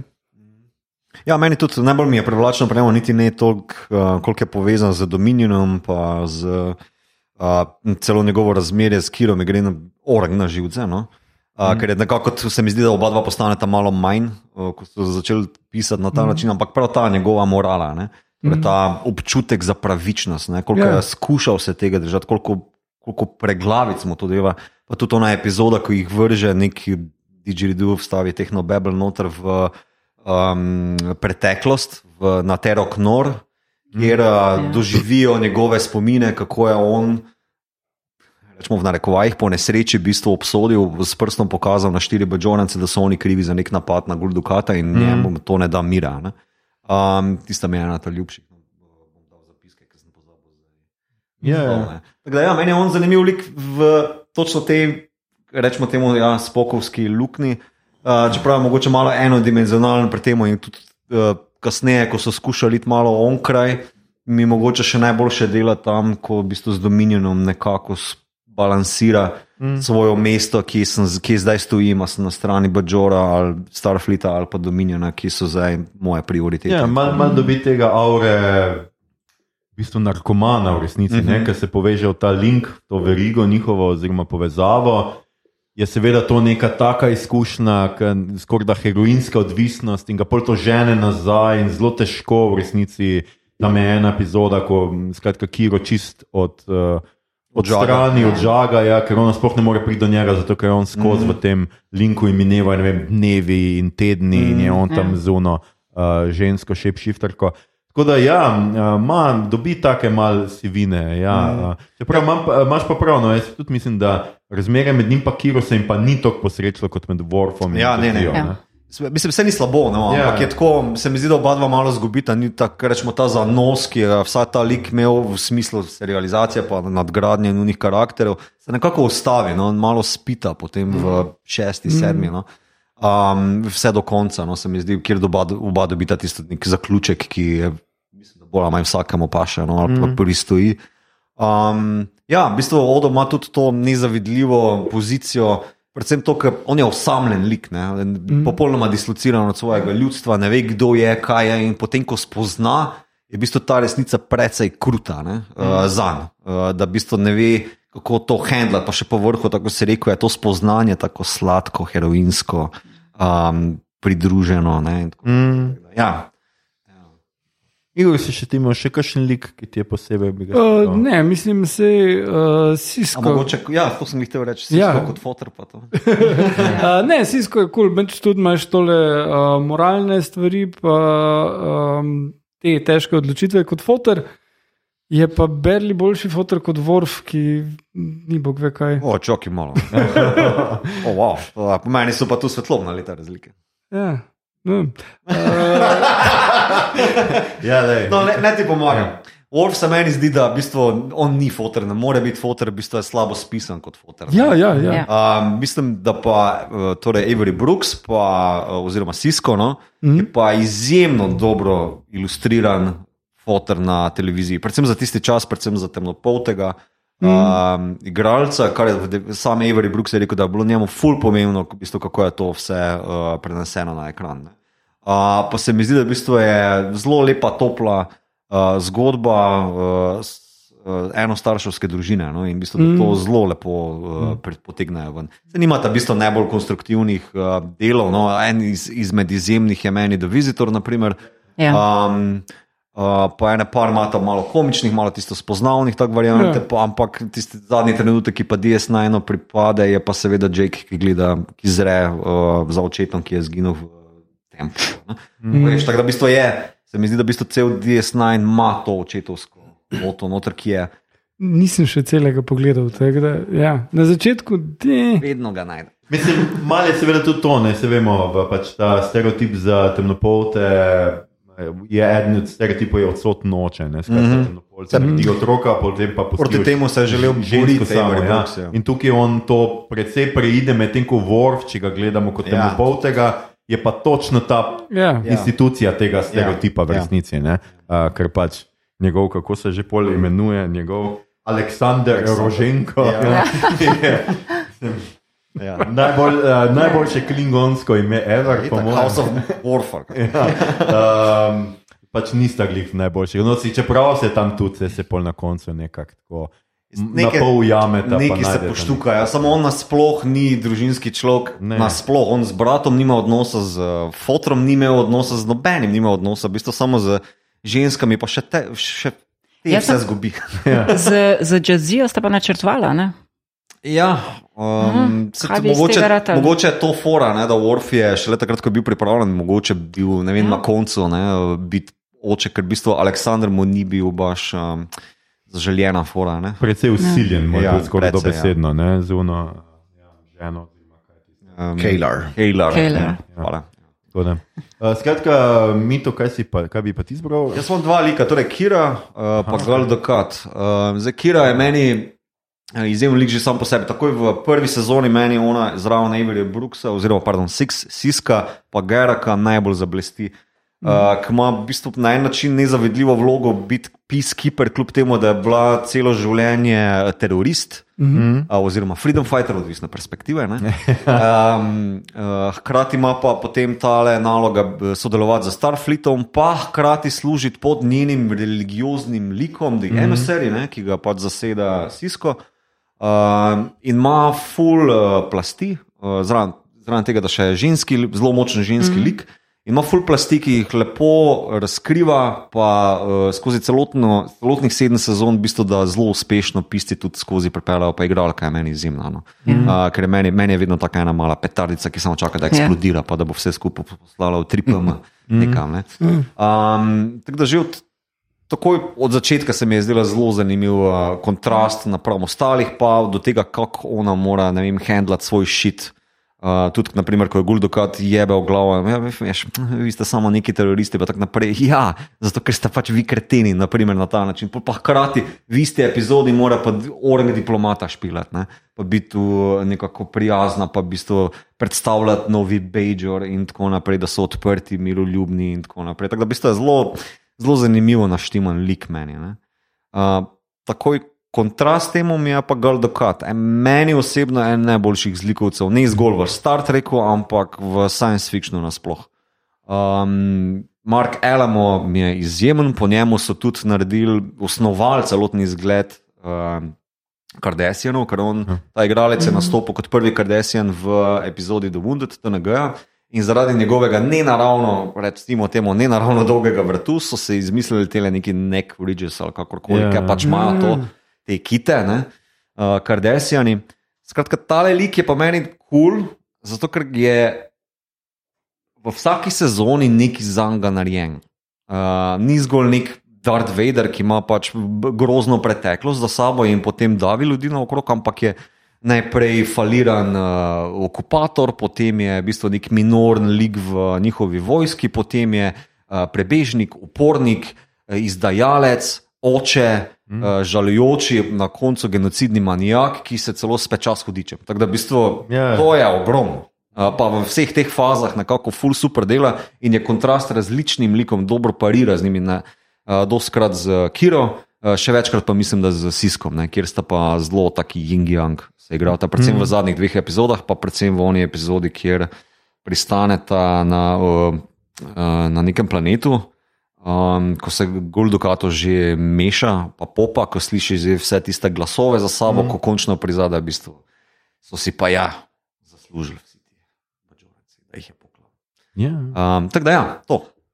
Ja, no, s- Ja. same super izbire, ali kaj ne rečem. Um, ja, jaz sem, mislim, se sem že omenil, pač jaz, ker uh, je Maša izbrala Judzijo, je seveda moj najljubši kvark, Uh -huh. ker je pač uh, um, lastnik bara na um, postaji, to se meni vedno zdelo zelo zabavno, uh, obseden je z denarjem, pač kot vsaki Ferengi in pač našteva vedno te rules of acquisition, ki jih pač zna vseh, ne vem, koliko jih je na pamet.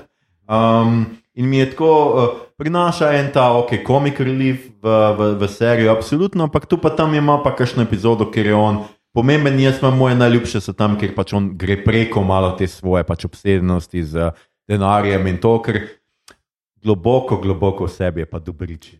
Meni je zaradi tega to všeč. No, ker tako, uh, in pa zmer, pa tudi zmer pogori, ne, se vemo, on zmer je blizu tistega posla stoletja, ko bo zaslužil vse tisti pač letnum, ki ga lahko, vedno pogori, reveš. No. Tako da meni se tako dopade, smil se mi, pa fajn mi je na tako. Pa se mi zdi, da mal on pa nadomesti pa skratka to, kaj je že, uh, Vulbergovo iz um, uh, Vkupijevo, ne, iz uh, TNG, je on pač ta. Kateremu ljudje pridejo s, proble eh, s problemi, in tako pa vedno mi je bila zanimiva ta dinamika, ne Starfleet, nima denarja, ampak hodijo pa v njegov bar, Ja, ja. taka na nek način. Ja. Še zdaj ne vem, kako plačujejo. Ja, jaz tudi ne, no, krediti ali skratka, kaj, no. z nekimi krediti. Um, skratka, on, drugače pa eden mojih najljubših zlikovcev pa je Vejun, oziroma um, tudi Vejuna in Branta, je ga isti, isti pač igralec. Ja, in sta mi zaradi tega oba tako uh, zelo pri srcu. Vejun mi je tako, ker je tako en tak. Benign na prvi pogled, tako zelo pa prijazen. Pa to tako, uh -huh. Ene par epizod ima tudi tako, ker jim kar pač, ja, ok, naredite vi ono svoje, mi bomo počakali, pač ko nikamor se mu ne mudi. Totalno je samozavesten, da jih bojo potamanili vse mm -hmm. in da bo usvojil. Ima zaradi tega meni tako zelo prezenco meni. Mm -hmm. Veš, gal dokrat, ok, vedno veš, da je uh, uh, pač masovni morilci in da je baraba, čeprav ima te momente populizma, jaz hočem, da me ljubijo, vejuno je pa tako relativno vse en v resnici. Ja, ja. Ampak vse hoče tako malo po liniji najmanjšega odpora. Ja, Pač, ja. Mi smo prišli, zakaj se ne predate, pač tako Ja. ja. čist, ni mu jasno. Mi smo pač. ena velika družina. Tako je, ja, pač pridružite se nam, Da koga me on nikoli. spomni, na kakega, reč, rečemo temu nekega višjega kitajskega uradnika, ki v bistvu Tajvanu tam razlaga, pa se pa kaj zvo. Ja, ja, pa se. Mi smo ja. vsi ena Tako, skupaj velika družina, ali pa američanov, pol grozikov, vi boste v ognju pogoreli, ampak drugače. Ja. Ampak bo, bo, bo fan temperatura, pač ja, pazili bomo, vse bo pepel, bo lep, vse bomo raztrosili, super bo. Ja, je tak, tak. Ja, mal tega birokrata, nekaj. Ja, Ja, ja. ja. V resnici nima nobene. Nobenih uh, voditeljskih sposobnosti, ni voditelj, on je samo izvršuje ukaze, pač dominjena. Ne? In ni, on je pač, ja, točno tako en tak Eichmann, birokrat mm -hmm. uh, z lepim obrazom. Mm -hmm. in, in on mi je tako, moram priznati, da tudi meni tako. Užitkom ga sovražiš. No, vsak, Ja, ja, ja. ja. vidiš tako, tako punchable faco, malo Ne, ne, pa tudi ta igralec, no, mislim, se, on je kar uh, Star Trek um, alumni, ne? Mm. Uh, če je Jeffrey Combs, seveda. Ja, ja, ja. Um, on nastopa še full, v Enterpriseu še pol, pa uh, že v TNG je imel mm. vloge. On je meni tako izjemen kameleon, uh, da se Ja, v ja. bistvu zelo easy prelevi ali v Branta ali v, v Juna, pa full ima en taki, ne vem, prezenco, ki te malo posrka. No. Ja, ja, ja. Moram priznati, da jaz nisem vedel, da je to ista oseba, dokler pač nisem videl v kredicih. Mm Mhm. -hmm. Pa sem bil tako, oh, oh, čak mal. Pa sem šel čekirati in pol, itak, zdaj so pa vsi ti memi, kar res igrajo njih. Ja, ja. Ali pet likov. Ne? Star Treku. Tako da, ja, evo. Um, veš, kaj me preseneča, samo pre- če gremo, preden gremo na epizode, zakaj noben ni Prav, koga? um, kaj win? Ja, kaj? Kaj win? Ja? Meni je ona ena, ne tako kot Guldukat, ampak ena večjih bad gujev ever. Absolutno, se tudi nobenega dvoma, ampak mislim pač, eh, ne, sej, No, tako. jaz sem presenečen, zakaj ni nihče izbral, eh, ne vem, ne, Čífa Milesa O'Briena, ki je pač eh, tak. Malo mal so branje postan sirno. Ma ne, on je en tak simpatičen, proletarski, Ja. ja. zanesljiv.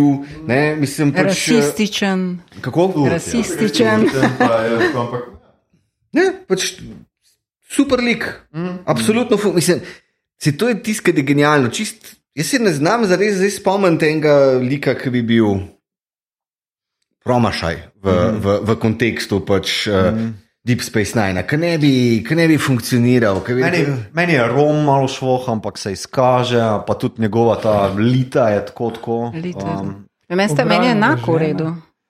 Ja, obrajno žena, mislim, da tam dejansko. Mislim, Mislim, ni Keiko- napisan lik čist. No. Niso vedeli, kaj z njo delati, ni mi slabo zastavljeno, pa ok, kopirali so pač iz tega, zato ker je pač obrajen tam. Samo njo so tudi rekli, ali, ali boš v šoli, ali boš tam na Be- Bejžeru neko botanično stranje delala, to, to. ampak pa ni, ni. tehnično Ja. gledano. Ni, ne. Um, meni je nog zanimiv, ampak Nog, ja. nekako se mi zdi, da um, so rekli, ok, si Ferengi, pa si kolega z uh, Jakom, pa zelo hitro gre v ta Starfleet modus, ne operandi, mm. pa ful malo tega, da se v bistvu borba z uh, Ferengi kulturo napram Ja. yeah. uh, Starfleeta. Po pa mu nogo odstrelijo in je to to, tista potem njegova zgodba. Mm. Uh, pa so tisto the best epizode, torej v sedmi, šesti uh, sezoni je on super. Uh, prej pa mi je malo tako neka pogreta driska. Ja.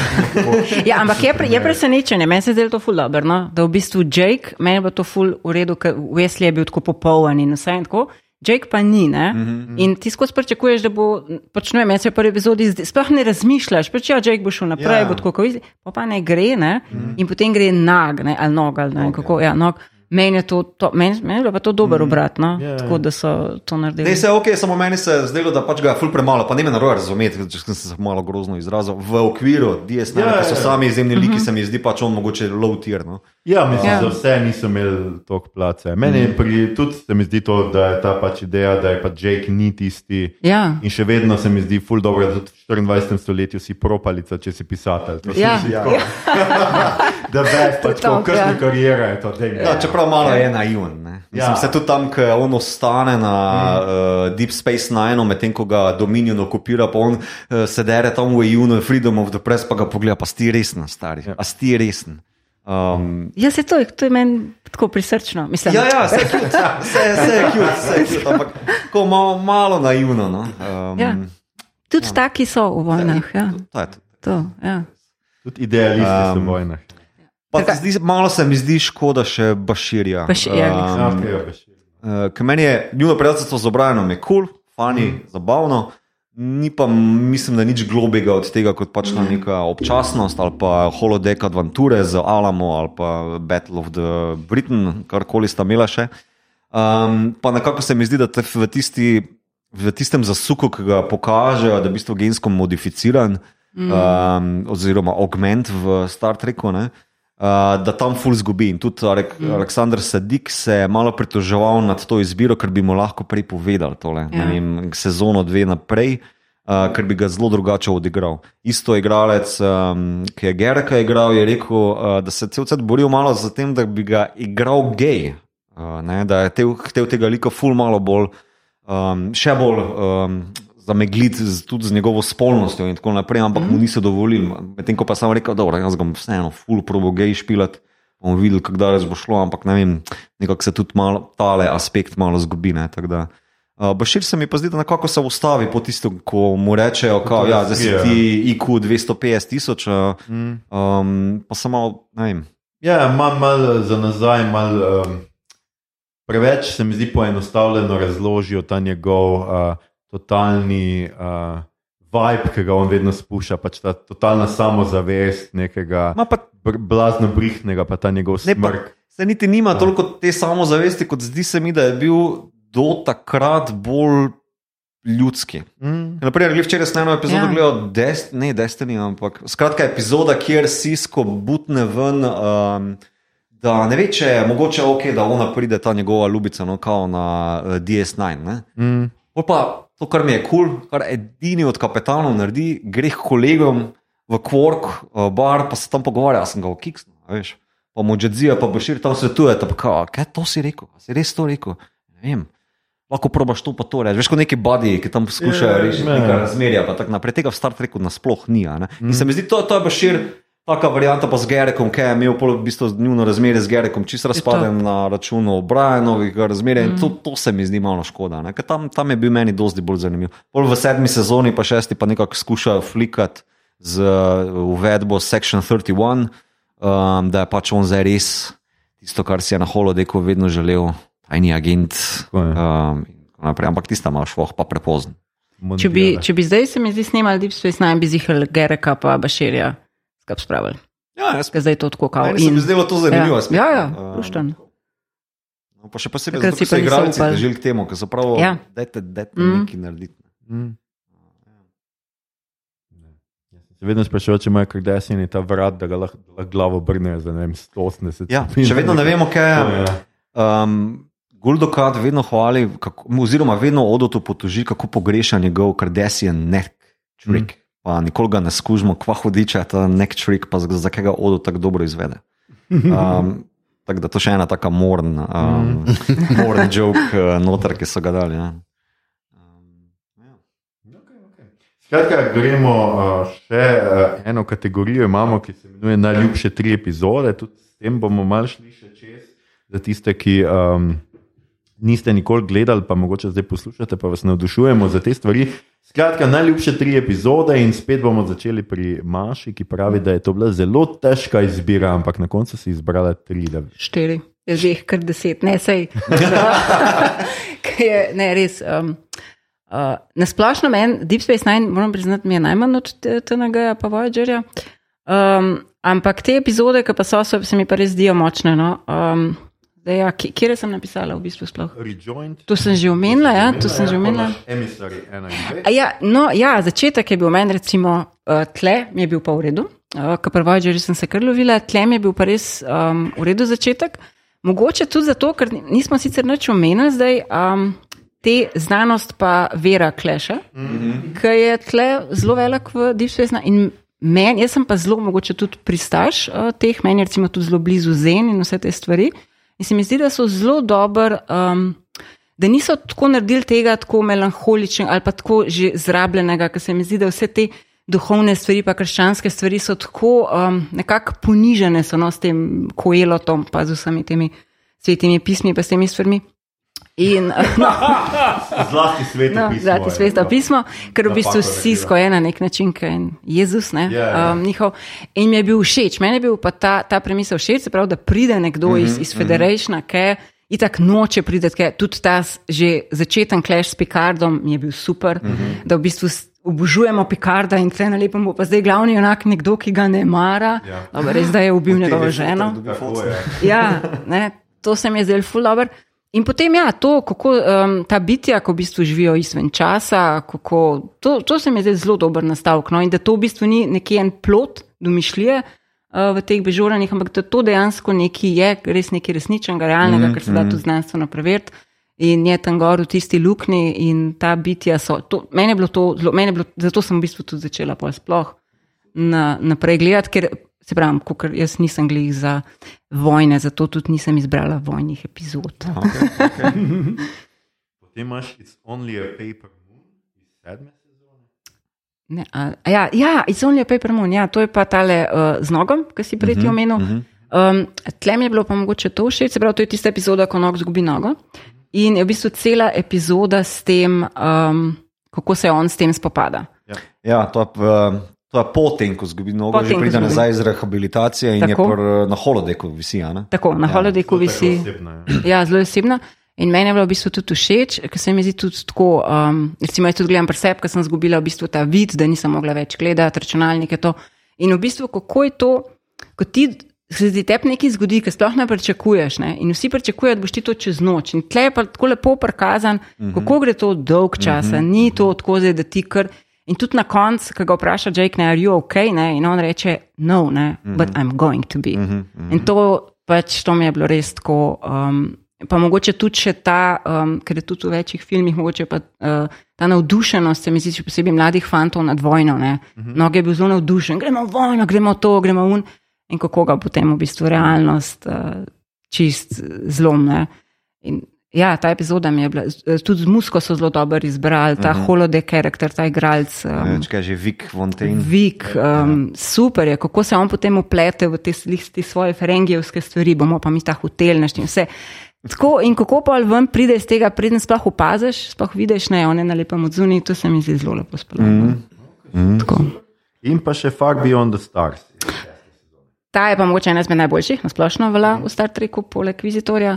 Um, tam je bila vas spet všeč, mogoče zaradi tega mojega nagnjanja k tem, uh, tej kvazi duhovnosti. To mi, je, mi sicer ni všeč ta beseda, ker se mi zdi, da je ful pokvarjena. Um, ampak res prvič je zelo dober uh, vsa ta problematika črncev. Um, takoj na začetku vidimo, on je v bistvu vrne se, Sisko v bistvu sploh ne vemo, kaj se z njim zgodi, tudi na koncu ni v bistvu nobene razlage. On kar na lepem pade v 60 leta, je tam en pisatelj uh, za en časopis in ker je črn, enostavno pač mora pisati pod psevdonimom, enako mora pisati tudi njegova ženska kolegica pod psevdonimom, ker je ženska. In on ima to idejo o tej zgodbi, o tej ladji, o, o Siskotu in o vseh teh karakterih, ki jih v bistvu on sanja. Ne? In na koncu, in čez celo to zgodbo, um, je res ta črnski konflikt in kako mi črnce res. Se mi zdi, da še zdaj, pa ne samo temnopolte, um, tudi se mi zdi, vs- vse manjšine tle noter. No? Zelo dobro to opišem tudi iz prizor, ki se v bistvu sisko tu na koncu kar mal uh, strga. Uh -huh. Ba je, da je on to zaigral, da je na koncu kar padel na tlane in je še, še pol ure ležal, ker je bil tako noter. Tem afektu. Ne. Jaz sem človek, jaz sem bitje, jaz mm. nisem nekdo, ki sem prezrt. Ne. Recimo, ta epizoda je meni tu dala, ne vem, da zdaj, če kaj pa vem, vidim recimo klošarja, ga vedno pogledam, ker vidim, oni nikoli niso videni, ne? zdaj mm. denar jim nekaj pomeni, ampak poglej ga, reč živijo, karkoli. Mm. In v bistvu tam na polti in ogromno teh ljudi je, ko pridejo pač ven z določenimi stvarmi, so nekako nevidni in to ta epizoda ful dobro pove. Hkrati je pa potem zaključek, ki pa meni ni tako top, um, ker v bistvu Sisko na koncu ne ve, ali je zdaj on tisti, ki sanja, ne? ali je on sanjalec, ali je v bistvu vse to, kar sploh vidimo, v bistvu realnost, ali v bistvu vse sanjamo, ta v bistvu itak že znana ideja. Uh, se mi pa tudi zdi, da je bilo dobro narejeno, da je bilo uh, pač to nekako tako, da, da ni bilo preveč. Um, Da, ti vedno najdeš tako dobre besede, da se hočeš povedati.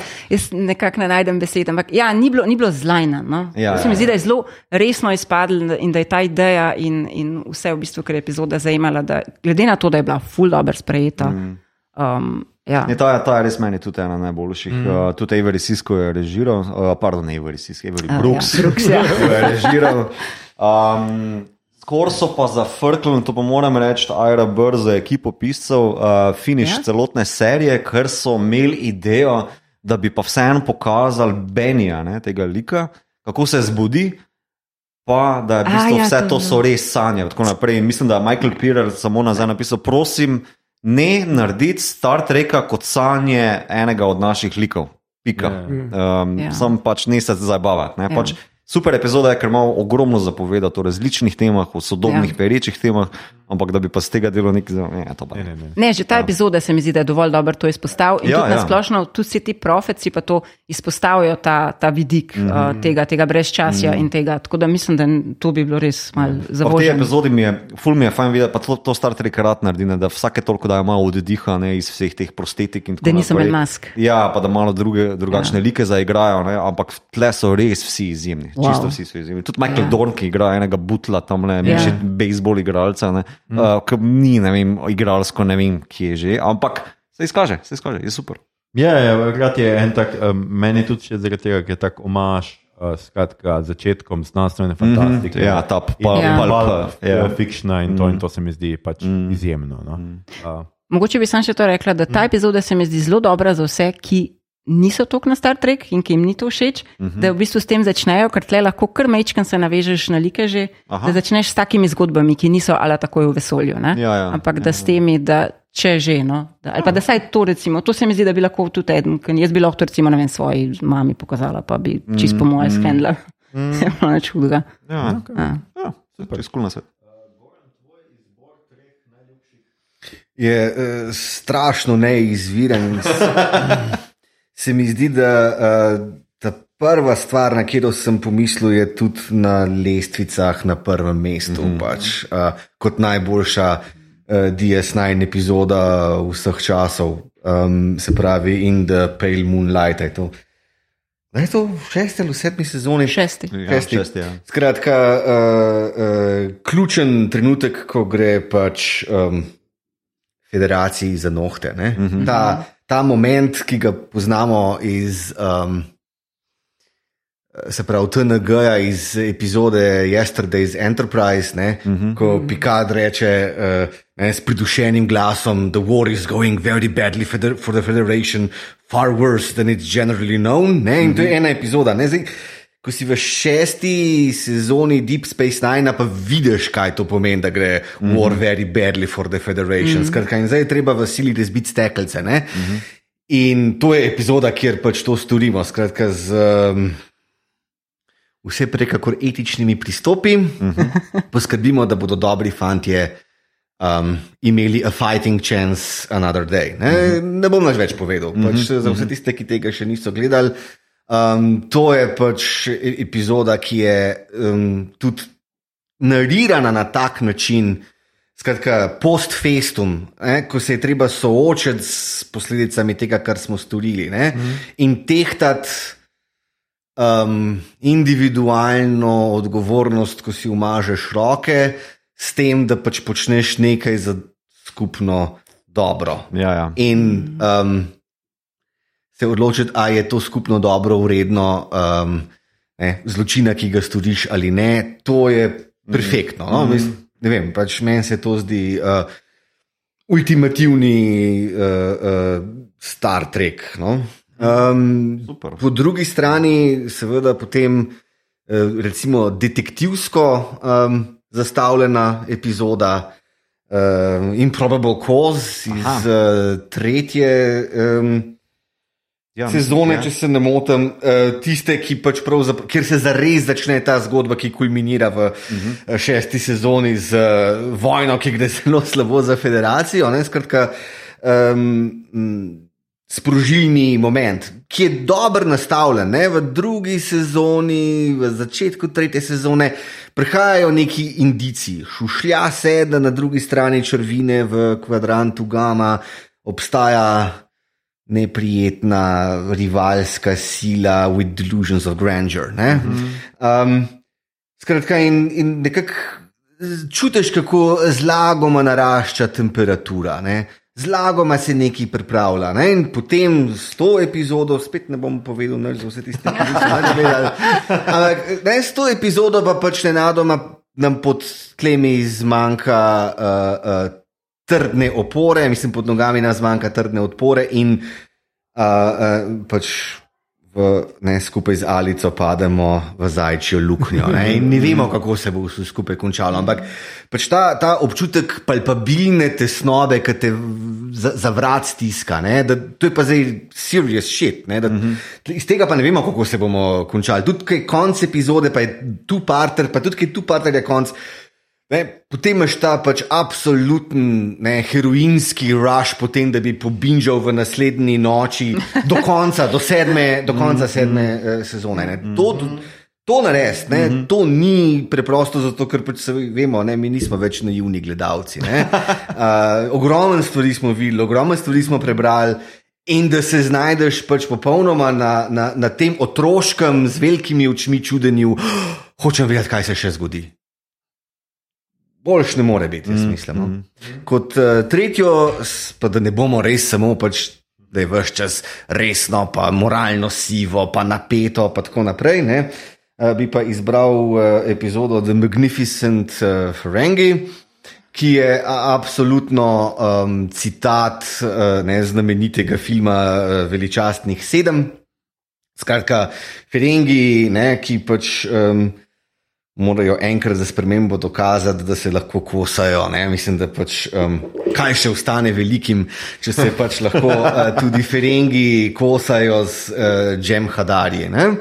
In uh, um, za nameček, ne, eno izmed kamerov v Loki igra Iggy Pop in videti. Um, Mugi Iško, ki mu pač zabrusi, he's got you there, Jelgren, uh, je pač um,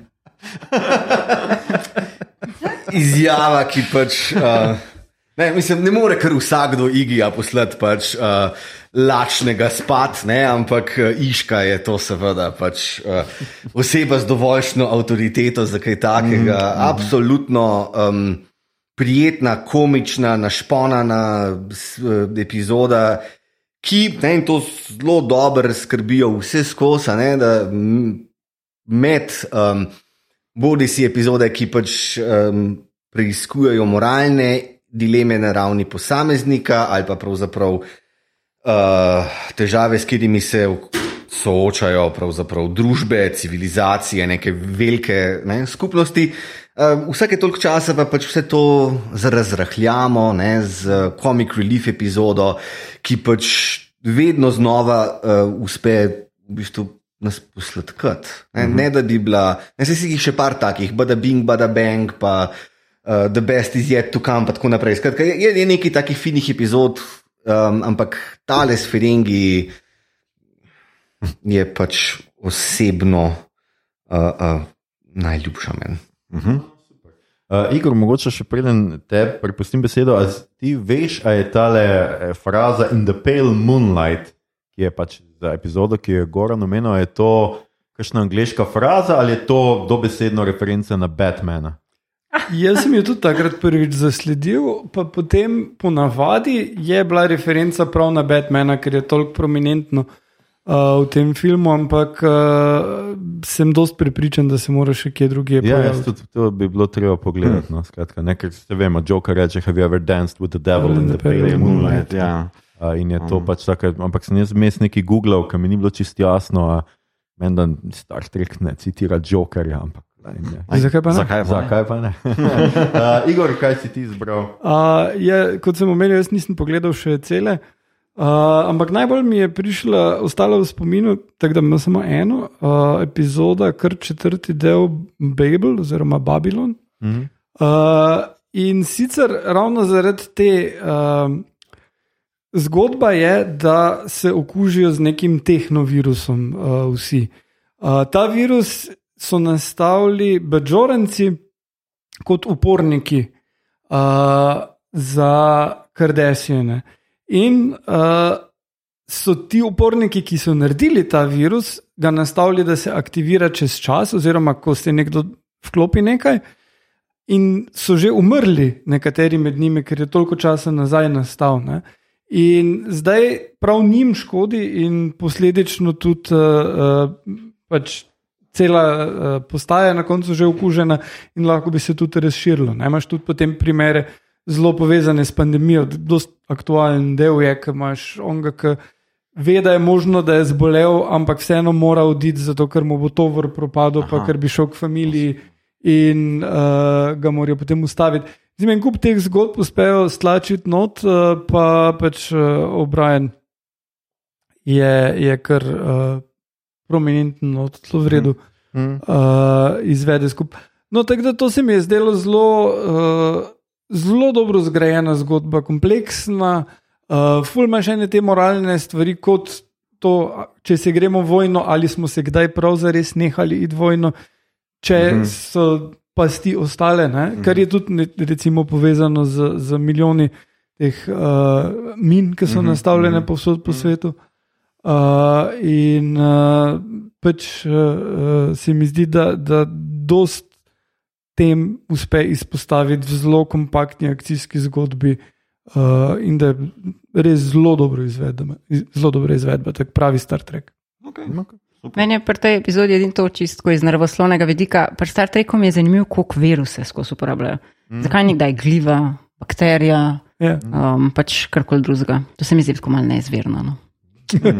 ne vidim Ja, razloga. Jaz vedno tako razmišljam, ker je tako tehnološko napredna družba, da v bistvu tudi transporterji, ne vem, kva vse filtrira bakterije, viruse, ne vem, kaj je odvisno, pol pa neki teknovirus, razumeš, prije skozi ali pa, Ja. ali pa Guldukat tam le plombira neko sranje eh, v drobovje kode, naprimer, da lahko potem eh, celo postajo z- zjebe. Tako da v bistvu eh, mi je nekako logično, da so ti tehno aspekti bolj nevarni. Pa 90 so, veš, takrat so še bili ekse. Virusi tako popularni na disketah, veš, tako da. Pa nazaj, Ja. To je res, to je res. Uh, Mito, kaj si ti izbral? Jaz smo tri epizode, uh, torej ta prva je pa, ki me je kupila v bistvu za, pri DS, ne vem, koliko se spomnim za nazaj, je pa duet, uh, prva sezona, 19. del. Uh, je pa tako majhna, komorna uh, zgodbica. No? Uh, všeč mi je zato, ker je uh, zgodba o tem, kako se v bistvu Kardasijani. Ker niso tako eno, eh, se pokažejo kot malo bolj kompleksna rasa, niso zgolj neki ne vem, tehnomanijaki, birokrati, uh, alfa kvadranta, ki so pač Eichmannovski genocidenži. ne. Um, na začetku dela v bistvu Kira na postaji najde oziroma ujame uh, enega Kardasijana, za katerega se izkaže, da je bil v nekem določenem trenutku v nekem kampu, v nekem koncentracijskem taborišču.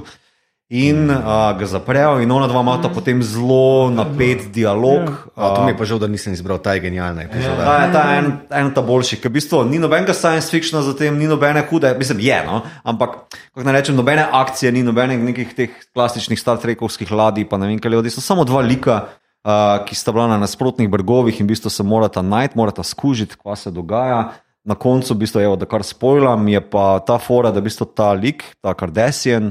Um, ni neki klavec bil, ni bil neki, ker na začetku se uh, skuša pokazati, mm. da je on odgovoren za, vsa, uh, za vse pokole in smrti. Na koncu se izkaže, da je bil pač en birokrat, ki se je skrival pod mizo, pod, pred vsemi kriki in uh, zločini, ki so se dogajali, in je skušal uh, dati obraz krivdi, da se tako izrazim, da je skušal pokazati, da so kardesijani več kot pa samo pač neki morilski stroj. Ne.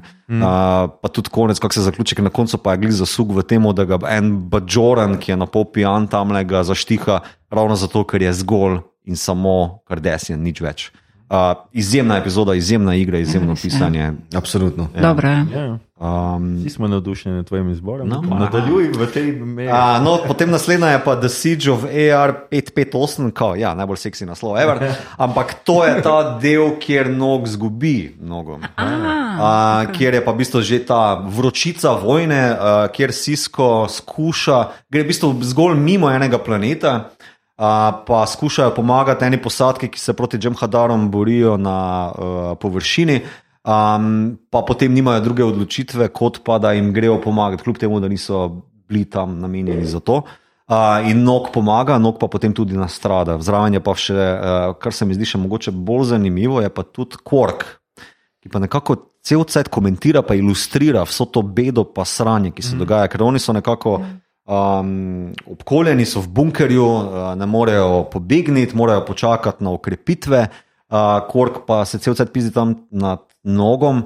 Zakaj želiš pomagati? Poglej jih te homo sapiens. V bistvu, če imajo tuš, če imajo vodo, so oni čist fajn, super, the best folk. Ko jim pa vzameš vesta, Starfleet, dobrobit, so pa samo. So pa lahko še bolj kruti kot pa kligonci. Mm. Uh, in je nekako tak lep portret uh, vojne, pa Starfleeta, pa groze, pa tudi bolečine in vsega skupaj. No. Tako da tam je res kul, cool. pa nastavi potem ta, uh, ta del, potem tudi nastavi ja. nogovo tegobo oziroma njegov vlog uh, za naprej. Ne. Tako da tam je en ljubših. No. Nogovo, nogo. Ja, okay. Lahko bi tudi rekli, da potem nog v Starfleetu dobi nogo. um, okay. Okay. Uh, naslednja pa je potem tu partner, uh, Past Tense. Uh, je pa Time Travel epizoda, to, kar Star Trek najbolje dela. Uh, in potujejo um, nazaj v Zemljo v 21. stoletju, natančno v 2024. Um, ja, zelo blizu v Los Angeles, če se ne motim, ali San Francisco, nekaj tasga, po mojem, San Francisco. Ponovadi gre v San Francisco. Uh, ja, in v bistvu Jadzija, Cisco in Bashir uh, zaradi neki transporter malfunction, bla bla, pristanejo v 21. stoletju. Uh, kjer pa ljudi trpajo v mm. uh, gete, zato ker pač ni služb za njih, ali pa so brezdomci. In uh, zgodba je nastavljena, da Bashir in Sisko pristaneta v geto, medtem ko Jadzija pa je nekako od zunaj, v rečemo temu, uh, privilegiranem položaju, da uh, ona portretira pač svet od druge strani. Um, pa zgodba je nastavljena na ta način, da se v bistvu takoj na začetku zakomplicira, ker se uh, ta neki George Bale ali kako je en lik. Ki je za zgodovino Star Treka pač na te linije pomemben, uh, po nesreči zaradi njihovega prehoda in more Sisko prevzeti Džordžovo mesto, zato da se zgodovina odvija tako, kot se mora. Uh, je pa potem to ful neke drame, pa akcije, pa v bistvu uh, komentarja na um, kako imamo mi odnos do revščine, pa do brezdomcev in tako naprej. Tako da je v bistvu zelo, zelo fina epizoda. Tu parter, uh, super napisano, pa tudi zopet moram pohvaliti uh, igre vseh noter upletenih, no, tako da je res fino, fino. Ja, jaz se veselim leta 2024. Končno bomo tam. Ko bojo geti, pa ko bo folk. ja, no, gled, je pa začetek Starfleeta. Ja, je pa res. Ja. In utopije. Ne, vse dobro, v bistvu ta njunko, glih komentar, ker ona dva, da vsi skupaj bo šir hodita v pižamah po cestah, ne se yeah. ima nekdo reče, da oh, ste pa vi spali kar zunija. Um, ko bo šir sprašuje, ker tako reče, jaz nisem najbolj močen v zgodovini, da je stoletje, what the fuck se dogaja, pa še vsi skreče, ja, niso še vsega skužili, veš. Pač, uh, these are just people, prav tako reče. Kaj, tako vpraša, ja. kaj so pa naredili, lobe? Nothing, they're just people.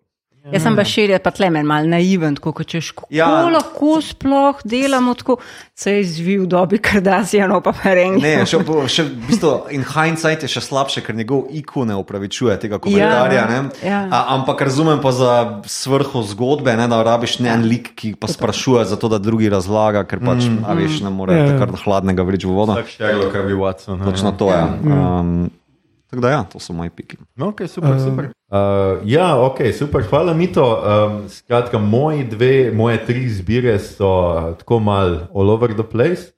Uh, Children of Time iz pete sezone mi je bila zelo všeč, ker je taka ZF uh, time loop zadeva. Ne, skratka, oni uh, se ponesrečijo z, um, mislim, da s to svojo vesolsko ladjo, padajo na nek planet in tam je neka kolonija, za katero se izkaže, da seveda ta kolonija je uh, iz časa oziroma iz, dim iz dimenzije sporedne realnosti, kako bi raz to razložil. Ki je odvisna od tega, da oni ne pridejo z tega planeta nikoli, ker je to njihova kolonija, uh -huh. njihovi potomci. In potem imajo pač oni to, skratka, dilemo, če jim uspešno, ker si seveda želijo rešiti se, če se uspešno rešijo, bojo seveda s tem izničili, ne ubili, ampak izničili te ljudi iz obstoja. In je tako zelo znanstveno, fantastična, temeljna uh -huh. premisa, ki se mi zdi zelo zabavna. Potem je seveda The Visitor, a, ena najboljših epizod, skratka, ja. tisko se po nesreči in potem a, nekako od. Fazi v drugo uh -huh. dimenzijo, nekaj takega, in na vsake toliko let se znova pojavi v tej naši realnosti, ob svojem sinu, ki seveda odrašča mes brez očeta. In na koncu, ne bom tudi jaz, bom, ne bom spoilal, kaj se na koncu zgodi, ampak je tako žrtev, ki jo pač naredi za to, da se vrne stvar v normalo, pa da uh, nekdo lahko živi dalje, nek svoj life. Ampak pač tukaj je meni všeč, ker seveda Jake se izkaže kot uh, pisatelj, mm -hmm. tako, Ja. ki že 40 let, kako ni napisal naslednje knjige ali nekaj takega. No? Uh, Ker ga pride intervjuvati neka študentka. kaj je Že. A To te je zelo blizu ta zgodba. kaj? To je hčerka, drugače igra od tega, um, ki igra Goldukata. Aha, Uh, okay. kdo? Um, kdo že igra Goldukata? No? Uh, Mark Elamo, ampak ja, mislim, starejšega. Jakea ne igra. Ne, Ne, ne, ne, uh, uh, ta, ta ta novinarka. novinarka. Oziroma študentka ali karkoli že. A ja, hčerka od Marka Elama. Ja. ja ok, ok, ok, to pa dobro. Uh, potem, Medtem ko, pardon, starejšega ja. Jakea pa igra igralec, ki je iz Candymana, ga poznamo, Tako. pa uh, uh, Warfov brat Kern. Aha, okay. No, tako hiter trivija. evo. ja. Tako je. Uh, in pa pač, uh, ker tudi jaz se držim tega, da ena mora biti malo bolj lahkotna, je seveda Bar Associ- Association, Ah. kjer Rom organizira huda. sindikat. Itak, In je taka, Ferengi se soočijo s to silo sindikatov in uh, socialistične leve miselnosti. In to se mi je tako zelo, zelo, zelo dopalo, ker pač se pokaže ta dvoboj nekega uh, kapitalističnega izkoriščanja in seveda organiziranega delavstva, ki se soprstavi uh, mm. temu izkoriščanju. Čeprav na koncu dosežejo nek zelo gnil kompromis, zelo tipičen za Ameriko. Bomo, Ja, tako rekli. bolj jalovo. Mi je pa pri tej epizodi najbolj všeč, da ga v bistvu, ne vem, ali mi je to kul cool ali ne, ampak ta fora, da v bistvu oni niti nimajo pojma, kako sindikati funkcionirajo, pa pa v bistvu seveda O'Brien razloži. Normalno. Ja. Kaj je sindikat? Ja. Valjda. You know, my grandfather, neki, neki, he was a union man, to je Tako, to. tako. Uh, ja, ja, tako kot je Goran rekel, to je pa, on je res ta predstavnik uh, uh, delavstva mm, na Star to je res, Treku. to je No? Ful ni noben od vas izbral kakšnih teh res, razen mogoče ta, uh, uh, teh vojnih epizod. Ja, zanimivo. Ne? Ja, Ja, to mi je v sem bistvu. Jaz sem glih računal za to šla. ja. Ja, jaz tudi. Pa se, recimo že Rocks and Shoals, recimo ta se mi zdi ena taka res. Um, tam res vidiš tudi Veš, to. je, tako, tako, meni se zdi, da v bistvu tele, v- ta boljše uh, zgodovne uh, arke, da, ali loki, no, ti, Ja. uh, so po šest delov, tako da bi težko zdaj rekel, Ja. Okej, ja. pa to. Ne. Um, tudi uh, Goran, ki je omenil tale The, uh, the Dice Cast, pa Improbable Cause, je čista vojna epizoda, ne, mm. se meni zdi. Absolutno, ja, seveda, ampak pač eh, ni streljačina. Ne? Ja. Ja. Hvala Bogu. Ja, um, a veš, ta The Siege of AR 558 je meni platun. Um, čisto mm. vzdolž teh. Čeprav, ja, ne. okay. ja, ne mogoče, da ni v tem arku, prav tem, ta končnem. No, to, ja. Veš, kak, um, kaj imaš, uh, konc pete, ali, ja, konc pete uh, sezone, v bistvu oni morajo zvizniti z DS9. Ja, In takoj na začetku šeste sezone, v so prvem dobri delu, imaš takoj isti kader, samo v kontrasmer, kjer vse te ladje gorijo. In se mi zdi, da to ti točno pove, kako Ja. ja. DS9 tretira vojno. Zgodila se je. Mi jo pa doživljamo zdaj. ne. A Veš, Mm. kao, A, ta, ta ja. ja. akcija malo umanka, razen tam le pač, ko pridejo nazaj na. na Uh, ko osvojijo zopet nazaj DS9, tista pač, ja, ful huda akcija, pa nekaj resno, ampak zopet ne tako neka huda. Mm. Tista, v bistvu, meni je en velik kaos ladic, ki streljajo drugo na drugo, bolj mi je zanimivo, kako guldukat tam Švica, ne, na ladji z ono bejzbol žogico, medtem ko pač Sisko se pa mora odločiti, ali bo zvizno skozi linijo ali ne, to pa to, pa seveda napetost na postaji. Ali bodo mine uničili, ali ne bodo uničili. A, a bo uspelo prevratnikom, a jim ne bo, a se bo odil zbudil ali ne. Tako tisto mi je bolj zanimivo kot pa Absolutno. Ja. učil, učil. Ja. ja. Seveda. Ja. Um. Ja, ja, pa malo je tudi, seveda, za te zgobovne, vse je logično. Ne? Pač, če so loki, je več, ful je odvisno od več epizod. Ne? Nisem mm. ena, ki tako izstopa, ker ena vedno rabi malo zaključeno zgodbo, se Ja, ja, meni ja. zdi. Ne? Tle noter je pa malo tako. Mislim, jaz imam Star Trek rad zaradi teh, tudi zaradi teh hardcore. Znanstveno-fantastičnih mm Mhm. -hmm. tem in idej, in recimo zaradi tega je meni pač ta kolonija, ki je res taka, to je pa res znanstvena fantastika v svojem Ja. bistvu, ne? potovanje v času in pač ta problem potovanja v času in izničenja. In tako. mm. Se mi zdi, jaz imam pač Star Trek rad zaradi tega in to mi, te epizode mi vedno nekako izstopajo. Mm. No? A, bom rekel, pa niste. Ampak te niste, te niste omenjali v tistih v času. Se mi je zdelo ful čudno. A ja, da, Ja, nismo ja. mogli vse. Tam smo dosta o ja. filmih govorili, pa dobro, saj sem skušal čim več Star Treka noter reči, ampak to je toliko tega. ne, Ja, ja. sem- Meni je v naši debati je bilo bolj zanimivo izpostaviti tisto, kjer je Star Trek res originalen v smislu zank ali pa da ima nov pogled na time travel Ja. ali pa kaj tasga, veš tisto. To sem se bolj koncentriral, drugače pa se veš, kako nastaja ta podcast. We are winging it. um, to, mi je, pa nekaj bom še pa zdaj komentiral, ko si omenila, oziroma opazila, da nismo omenili toliko vojnih epizod. Mirror epizode. Ne? Mm. Uh, to je zanimivo, da DS9 nazaj uvede, ne? uh, ker TNG komod preskoči celoten Mirror Universe, um, ki so se ga šli v originalnih epizodah. Ne? Um, DS9 uvede to nazaj, pa niso ta najboljše, sploh nisem za tega rekel, zato ker pogrešam, da bi kdo to omenil ne, kot eno kot top 3 pik. Ampak ker je kul, cool, zato ker nastavi tudi potem za naprej. Pri Enterpriseu se dve epizodi odvijata, pa v Discoveryju imaš potem um, Mirror Universe. ja. Tako da se mi je zdelo iz tega pogleda za nekako ta trademark, da že skoraj rata, uh, Star Treka, da je DS9 to ohrano. Ne? Ker v TNG si nekako misliš, da so bili pa tam, ne, mi smo pa preveč resni za takšne. Smešne zadevce, kot se jih je Rodenberry šel ne, takrat. Mm. Um, to se mi zdi mogoče še samo tako za en um, footnote. Okay, okay. Um, jaz mislim, da smo ogromno povedali, tudi za tiste, ki niso gledali ali pa ki bi želeli gledati. Jaz upa, gledat, upam, da smo jih povabili k temu, da gledajo in da um, uživajo tako, kot smo mi uživali. Um, Skratka, to je bilo to od Deep Space Nine, naslednji se spet poslušamo o zvezdnih stezah, ko bo Aljoša pogledal Voyager, kar bo zelo kmalo, tako da bomo Voyager obdelovali, po mojem, kaj pa zdaj enkrat po zim ali pa mogoče že taka epizoda, ker bomo za poletje že imeli Enterprise ali že kaj tretjega. Uh, skratka, veselo bomo delali Star Trek naprej, ne se bat. Uh, zdaj pa sledi rubrika, kaj gledamo, beremo, špilamo, poslušamo kjer imate seveda gosta prednost in prva je Maša, ki bo povedala, kaj se gleda, bere, špila in posluša. Maša. Evo, um, samo še eno stvar za Deep Space Nine. Ja, daj. ne, mor, sorry, čisto, če sem že toliko ženskih stvari povedala. DS9 nam da prvi brez uh, bolečinski porod. In to je top, ko uh, Kira bežorani, ko to, to sam pač. Uh, Ja. okay, Tako kot kulturološko meni se zdela to Tako tudi zanimiva. simptoma, a če ona kiha, ali kaj že nekaj. Ne, ona gre Ne. kot en tak trans, pa to. v Ja, bistvu je točno, to ja, oni in imajo- to Ja, je, ona med diha in to. In... nosečnostjo ona kiha, ne, Ja, ja, da ja. pač ja, to pa ja, Bajorans to pa ja. ima to. Ja. Ja, Um, na mestu. Ampak pač porod je brez bolečin. Tako, in to Ja. mislim, da prihodnost človeštva mora biti to.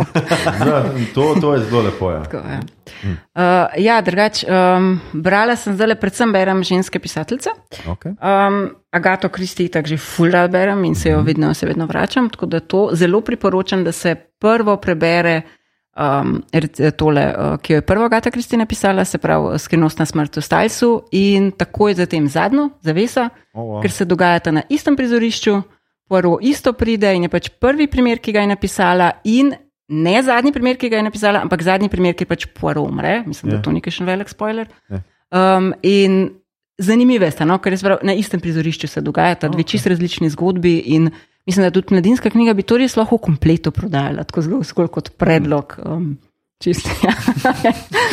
Mogoče se bo hiša zapomnila ali pa slišala. Ja. Ja. Potem sem prebrala od um, uh, Rowlingove, jaz vse, kar Rowlingova napiše, zelo rada preberem. In so mi tudi te njene kriminalke zelo všeč, uh, ta zadnja nemirna kri.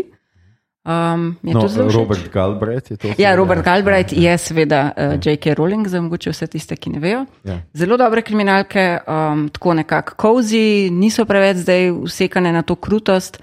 Um, po drugi strani so pa zelo razviti liki, um, zelo v bistvu priporočam. No, se mi zdi, da je mogoče mečkam. Res je, da so debele knjige, ampak so zelo kvalitetne. Mhm.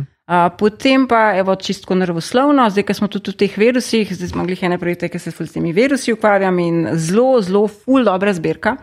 Mislim, da imamo kar nekaj prevodov, ta uh -huh. short intro, introduction, to mi je eh, kolegica, ki tudi v Oxfordu dela, um, predlagala in so res ful dobre knjige, kjer katero koli stvar, tudi družboslovne stvari, recimo Money, a very short introduction, mm. zelo virusi, a very short introduction. In so zelo redu stvari, če si v kateri koli stvari, mislim, da jih imaš že čez tavžant, želite pač čisto okvirno pogledati, marksizem, recimo, ne vem, karkoli, bakterije. Mm. Zelo, zelo dobre knjige. Uh, potem sem poslušala kot audio knjigo, ker veliko audio knjig poslušam, um, tole od Marie Curie. Um, in sicer The Half-Life of Marie Curie, kjer je glas posodila njeni prijateljici od Marie Curie, Kate Mulgrew, igra uh, Captain Janeway.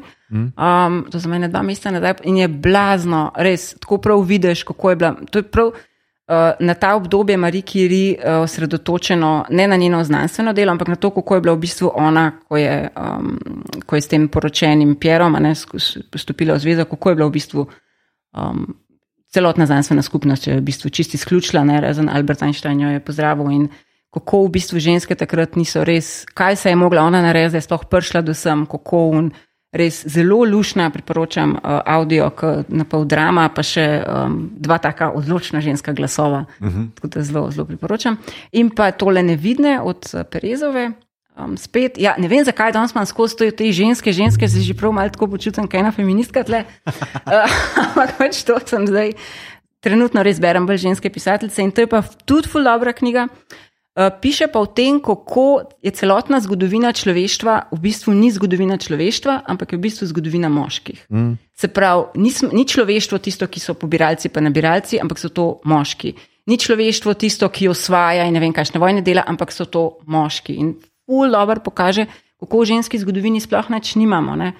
Tudi um, podatki, recimo, ki jih kaže, vsi avtomobili so narejeni po moških, po vrst, recimo mm. varnostni pas, vse umarce so narejene recimo avtobusi. Vsi avtobusi vedno vozijo od, od roba mesta do središča, ker je v bistvu zelo narejen za moške, se pravi, moški gre v službo in domov.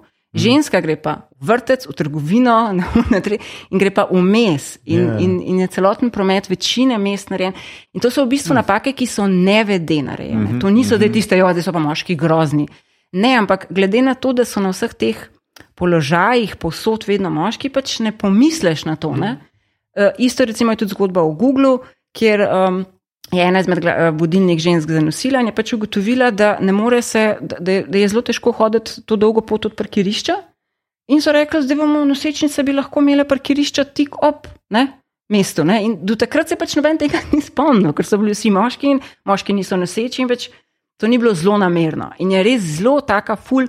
Nobenega jeze, nobenega čistko, lepo, samo podatki, um, top knjiga, res priporočam um, vsem, tako da res super. Uh, pa probam spet nazaj, seveda, to Robin Hobb začeti brati, ki sem jo vmes nehala, uh, ta fantastika te um, družine vicev. Uh, mislim, res odlična fantastika za vse, ki jim recimo všeč, ki je nekakšen Harry Potter v Lord of the Rings, v neki kind mm. of thingi. Tako tudi zelo priporočam. Uh, Igrc ne igram, ker pač ne morem gledati na ekran. Sem pa igram pa to, priporočam za plažo, to je pa slovenc naredil knjig, uh, Igrico Les, ki preskakuješ. Um, pač za na plažo imaš čisto tako mečkene igrice in lahko se pač dva igrata. Uh -huh. Za otroke dobra kombinatorika je, preskakuješ se in moš pač priti od enega konca do drugega. Uh, zelo cute, um, še posebej za otroke. Okay. Uh, od podcastov, ajde, seveda poslušam podcast Bot in sem mm. šla glih zadnjič gledati. Mislim, da sem, gledala, da sem poslušala skoraj 80 odstotkov vaših epizod. Oh, wow. Tako čisto na hitro in sem se prav zamislila, da ima res preveč časa. Ja, tudi, tudi mi se prav zamislimo na to. Ja. ja, tako razen ene par epizod v grezljivkah, pa še to sem videla, da sem kar poslušala en candy. Ja, moj bog. Ja. Tako da to. Res, ful, ful vam hvala za, to, um, za ta podcast, ker jaz ne morem gledati teh filmov in jih lahko potem preko vas poslušam in vedno vse poveste od vsebine do unga. In tako da ponavadi jaz pogledam trailer, potem pa poslušam vas podcast. O, da je sem že pogriznil je tako čisto malo. nadaljuj s podcasti. Ja, Uh, potem, je, no, potem je pač Life Scientific, Scientific zelo priporočam um, podcast o tem, o, o intervjujih z različnimi znanstveniki in sicer iz njihovega vidika kot. Um, Uh, se pravi, življenskega, ne kot samo znanstveniki, ampak čisto, kako so začeli, zakaj so se odločili za znanost, uh, ki je zelo, zelo red tako pogled pač v vse znanstvene glave, od fizikov do biologov do vsega. Um, in celoten BBC-ov kompleks podcastov se mi zdi res um, genijalen. Um, tako da tle sploh ne bi izpostavljala, recimo Desert Island Disc, vse tako da to je itak. Številke tudi uh, sem začela v zadnjih parih mesecih poslušati um, in so tudi zelo dobri intervjuji, moram priznati. Uh, pa frekvenca X, itak in polhun tudi uh, RTV ima nekaj odličnih, odličnih uh -huh, podcastov. Uh -huh. Potem so pa še od podke, ne vem, če kdo od vas posluša Star Trek Investigates, -huh. ki ima Gates McFadden, full dober podcast, kjer se pogovarja z igralci, Aha. ampak ne o podcast, ne, ne od Star Treku, Treku. ampak čisto o drugih stvarih. In zveš vse, od Nana Visitor, imaš Jonathan Frakes, imaš vse te, zveš o njihovih zgodbah, iz kje so, njihove družine, kaj se jim je dogajalo. Čist nič povezano in niti besede ne spregovorijo o Star Treku, tako da jih spoznaš iz tega drugega vidika. Um, pa uh, Metatrix, poznate? Vola, to mogoče bi bilo zate, ali pa tudi zate, no, ker ste tako ful, res tako filozofsko usmerjene debate. Ful, dobro, no tako res, wow, o vseh teh vprašanjih, ki smo se danes pogovarjali, zelo, zelo priporočam. Um, Pol je še en znanstveni podcast, The Infinite Monkey Cage, ki ga ne delajo več, ampak vse, kar ste vsekali na znanost, pa komedijo, to je mashup med uh -huh. komiki, pa med znanstveniki, top. Tako znanost, make, made funny, res full dobro. Filmov in serij se pravi, ne morem gledati, to mi je žal, ker včasih sem hodila tudi po trikrat na teden v kino. Ampak zdaj imam tako da to gledam. Sem pa na pol pogledala obija in mi je žal, da sem ga pogledala. Če tudi vas poslušate, ja, to je res to. To je škoda, no? ker res, ker to, to sem res hotela, da bi bilo nekaj, da bi nekaj iz tega naredili. Tako da upam, da zdaj te stvari, ki jih zdaj delajo, zgledajo mečkam bolj obetavne. To je bila res ena taka troška, neumna risanka. No? Ne vem, kar neki. No. Uh, Big Bang Theory redno gledam, zato ker mi ni treba gledati, ker lahko poslušam. Aha, In- ja, to je res. Ja. Tako nekako sem si jaz včasih svoj live predstavljala, da bom tako na faksu in bomo tako se čakali in pogovarjali in bomo imeli tako skupinco prijateljev, ki bomo imeli take neumne, ampak pač življenje se. Bazinga, da se eno sto vendar ne reče. Uh, tako da Big Bang Theory verjetno vsi poznate, super, uh, pač, pač te- teh pet znanstvenikov, ki ima med sabo uh, na tak komičen način stvari. Potem Krono sem začela gledati, ker si ti enkrat napisal, da je v bistvu si rekel, da je dobra. Nekam pa to bomo pa probali um, in v bistvu pa tudi možo je tudi ful všeč, kam ima ful te, um, pač zanimajo ga se te krone in to. In dejansko res fino, da smo na drugi um, teli um, sezoni in je res, wow, lepo. Um, Ne, ful je, ful je kvaliteten izdelek. ja, Tako ni. prav um, zavidljivo dober. no. Ja, Ja. ja. Sem presenečen. Jaz sem pričakoval bolj limonada, z dober se kašni deli so mal, Ja. ampak je tudi v redu. Pa uh, zanj sem čist po naključju, nisem imela res kaj za delati, um, nisem mogla spati po noči, kot si ti rekel, prej bilo prevroče in sem pač dala kar Netflix gor, ta Knives Out. In mi je bil res všeč, moram priznati. Um, Lušna kriminalka. Uh, in sem pol videla, da ste tudi vi naredili epizodo in da je glih nisem poslušala, tako da jo moram poslušati. No, no, super, pa prav na pravi čas nekako si to našla, ker bo drugi del nadaljevanja, mislim, da je konc leta. Nisem mogel bi že imeti trailer, pa ga še nima, ampak mislim, da je napovedan bil še za letos. Mm. Ja, pa- Nadaljevanje. Nadaljevanje. Mm, ja. mm. Super, to se mi je zdelo res v redu, spet ta prijaznost. tako- Ja, ja. Tako, lušten, res. No, no, super, Hva- hvala, Maša, kar hvala za vse pohvale, pa za vse super predloge za uh, druge podcaste, da ljudje še poslušajo kaj drugega, kot bo. A Ja, čakaj, sorry, sem, pozabila sem še en podcast, ki sem ga napisala čist na koncu, v tam, ki piše v ženski, Woman at Warp. Aha, bom- Ja, tega sem še pozabila. Ta je pa tudi dober in ima tudi eno epizodo, sicer nisem še poslušala, um, um, umetnost v Star Treku. Okay. Tako da tudi to so pa ene 40, 50, 60 letne ženske, ki govorijo predvsem o ženskih vidikih Star Treka, ampak ne na zamoren način, govorijo pa tudi o umetnosti. En, ene epizodi uh, je naslov pač uh, art, ne vem, Star Trek ali nekaj. Okay, takega. Tako da poslušaj, ne vem, eno- mo- mogoče je v redu, mogoče ni, ne vem. To je eno veliko vprašanje, ki še imam vedno pri ja. Star Treku. Where the fuck is the art? A Ja, veš? očitno le nekje je. ja, Ena ja, epizoda podcasta je bila v tem narejena. Ene par slabih slik sem videl, ampak to je to. Ja, ja, nekaj Pa full weird Klingon arta. Ampak Ja. Ja, ja, ja. Opera bolj prosperira, zgleda. Tudi, ja, opera, tudi Ja. um, very strong with that one. Ja. Ja.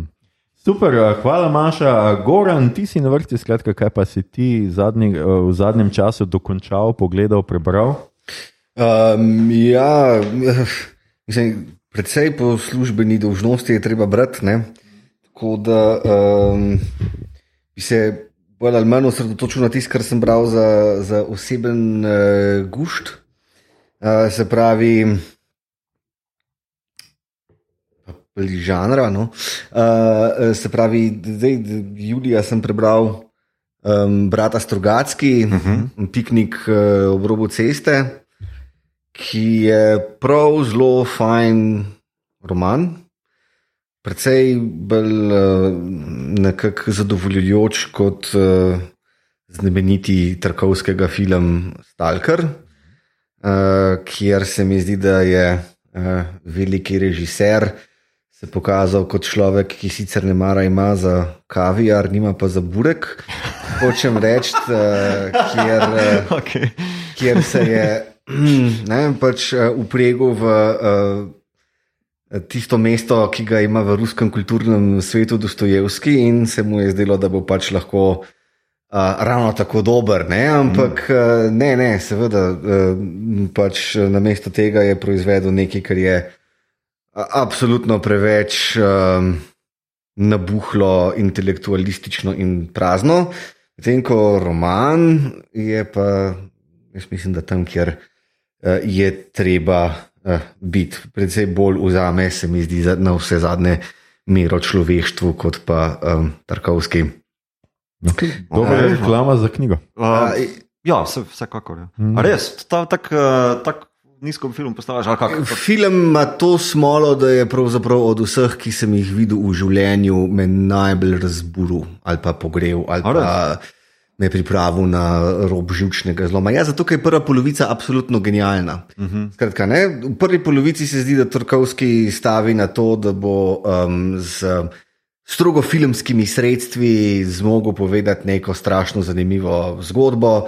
Um, ne, in imaš. Um, Dobar, tista prva scena, prvi del filma, ko se je treba prebiti v cono in um, ne, vse v teh sepijasto rjavih tonih, in mm. uh, totalitarna država je videti zelo zastrašujoča, ne, da bi ji dal karkoli zapovedati. Uh, potem se znajdemo v coni, ki je seveda pač na ta ja, klasično trkovskega načina.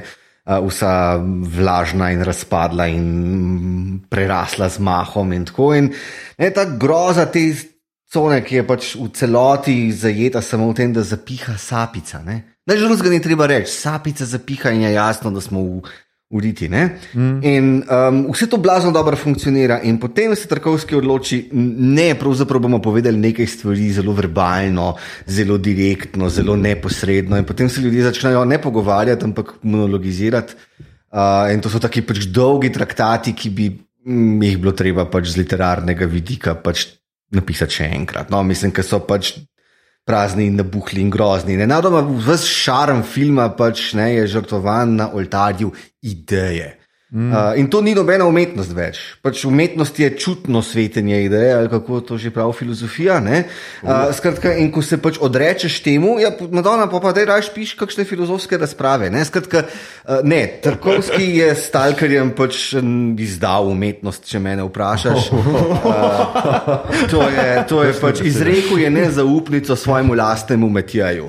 In da se pač pretvarjamo, da je to velika umetnina. Jaz ne vem, to je pač na točki. Okay, okay, jaz, uh, so zanimalo me. Ja. Na točka, kjer se jaz ne morem pomiriti, pa ni tako, da zdaj jaz mislim, da je Tarkovski seveda en šalabajzer, ker ni, uh -huh. uh, ne, ker pač um, so kakšni drugi filmi, recimo Andrej Rubljov, uh -huh. veliko bolj fajn narejeni, recimo tam.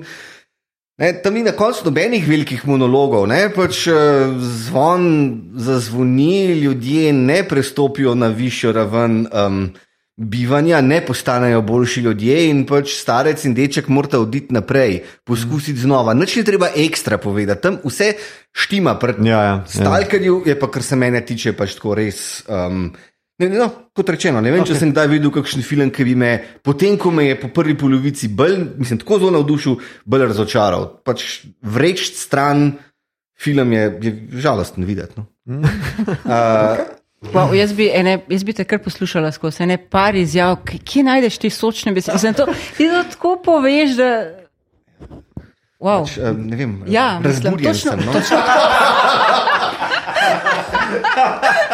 točno tako. le, Ja. Lepo, lepo. Uh, skratka, Goran, Skratka, pač na mesto tega je treba ja. prebrati roman, mm -hmm. Okay. uh, ne, ki pač nas postavi na tisto pravo mesto v veliki kozmični sliki, kamor zares tudi sodimo. Ne? Mm -hmm. Za razliko od Tarkovskega, ki je pač pripričan, da smo somehow vendarle v. Um, Središču stvarstva, če ne že njegova krona. ne. Um, no, trenutno pa berem um, sveže prevedeni roman v izjemno dobrem prevodu Ane Barič Modr, uh, Stroji kot jaz, ki ga je pred tremi leti objavil Ian McEwan. ne.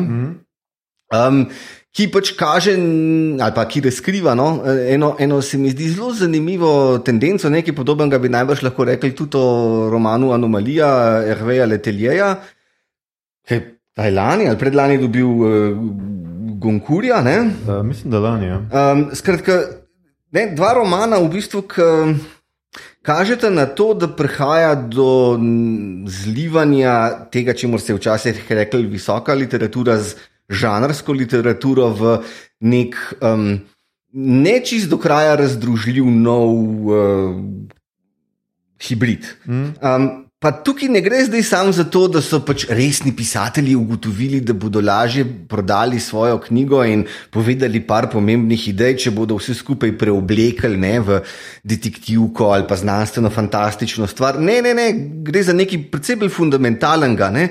Mislim, da gre za to, da v svetu, v katerem živimo, kjer postaja jasno, da pač. Um, tehnologija prežema vsako poro našega življenja. Mm. Da je pravzaprav treba govoriti na tanko o teh stvarih, ki so se pred včerajšnjim še vedno zdele znanstvena mm -hmm, fantastika. Mm -hmm. Skratka, pač. Um, Znanstveno-fantastične teme niso več samo metafora, ampak so že stvar sama. Mm -hmm. In um, v tem smislu se mi zdi, pač skratka, oba omenjena romana, Anomalijo in um, Stroji kot jaz, res vredno vzeti v roke in um, si pač pogledati stvari od blizu. Skratka, to bi utegnila biti ne, neka um, plodna smer za literaturo 21. stoletja. To je zelo fajn. Ja. Uh, okay. Kar se tiče tega, kar uh, gledamo, um, ja, Kenobi, mislim, da me še vedno preganjajo nočne more. To je bilo tako katastrofalno za nič. Mislim pač, seveda, to ne pomeni, da ne bomo gledali Endorja, ne, ker, uh, Absolutno ne. ker ko pač enkrat postaneš vernik, je treba pač uh, slediti ne, pač do britkega konca. A, ampak um, Ja, najde. vendarle, no, pač Kenobi uh, je, je škoda. No, to je, mm. Ja. Eh, Tako se ne obnaša pač uh, uh, z um, veliko zapuščino. ne. Um, pogledal sem si zadnjo epizodo, uh, zadnjo sezono The Expensa, Oh. A, ki okay. je prav v redu. Uh, čeprav The Expense nikoli ni bil pač za me čist, čist tam na vrh Parnasa, ampak uh, zelo fajn, super se imaš uh, in uh, tudi potem nekaj letnem zevu ne, med peto in šesto sezono niso upropastili stvari, ker je mm. dan danes treba pozdraviti. Mm. No, prav trenutno gledam pa Okupert ali nekaj takega, to je pa norveška serija, ki je nastala po izvirni zamisli Joja Nezboja uh, in se zdi prav neverjetno dobro prilegajoča se naši trenutni geopolitični stvarnosti. Postavljena je v bližnjo prihodnost, ko oblast na Norveškem prevzame radikalna zelena stranka, ki, pa ste to, um, izpolni predvolilno obljubo in ugasne uh, proizvodno uh, zemljskega plina in nafte v Severnem morju. Mm. Kar seveda postavi Evropsko unijo v nezavidljiv položaj, zaradi česar v Bruslu obrnejo telefonsko številko moža v Kremlju in se zmenijo za uh, rusko vojaško aksi, um, asistenco na Norveškem. Mm. Uh, skratka, ruske, uh, ruska vojska bo poskrbela, da bo Norveška uh, zalagala Evropo še naprej z energenti, Evropa pa ne bo pretirano jezna, če pač ruska vojska tam ostane malo dlje časa. Ne? Um, zdaj se morda seveda sprašujete, kje pa je Amerika in zakaj mm. vendar ne urgirajo američani ne, v tej zapleteni geopolitični situaciji. Vse kaže, da pač um, je tam Trump usvojil tudi drugi mandat in so Združene države zapustile uh, NATO. Aha. Uh, skratka, in se pač ne vmešavajo v evropske ja, ja. zadeve. Ne, zdaj se mi znajdemo pač v uh, Oslu z kupico ljudi, ki se morajo nenadoma odločiti, kako se bodo odzvali na mehko okupacijo svoje države. Ne? A prijet za orožje v položaju, ko nimaš nikjer nobenega zaveznika. Hmm. In um, kjer nimaš za res prave možnosti, da bi, vsaj tako se zdi na prvi pogled, uh, premagal pač okupacijsko silo. In kakšni so moralni kompromisi, ki iz tega naslova izhajajo, in ali so borci za svobodo res borci za svobodo, ali so tudi teroristi in tako naprej. Skratka, mm -hmm. pač, um, jaz sem trenutno v osmi epizodi prve sezone, uh, posnete so tri. Oh, okay. uh, tako da pač ne morem hm, dati roke v ogen, da bo do konca the best, ampak za prvih uh, osem epizod pa to mirno lahko rečem. Uh, kje pa se da to pogledati? To se da pa pogledati na piratskih aha, uh, kanalih. Aha. Jaz uh, nisem naročnik ničesar. Uh mhm. -huh. Nobenih Netflixov ali HBO-jev ali podobno. Pogleda, če je na kjer hotek, čeprav nisem zihar, da je kje na teh. Ne, to, na Netflixu. To mi je zdaj ven, ven, res ven zaštrlela, ker, ker mi je super premisa, pa da brez zgodba se sliša. Me, ne, je pa, a ni to imela Slovenija? TV Slovenija celo mogoče. Ker sem sezono. zaposlen na RTV Slovenija, tega seveda ne vem. Ja.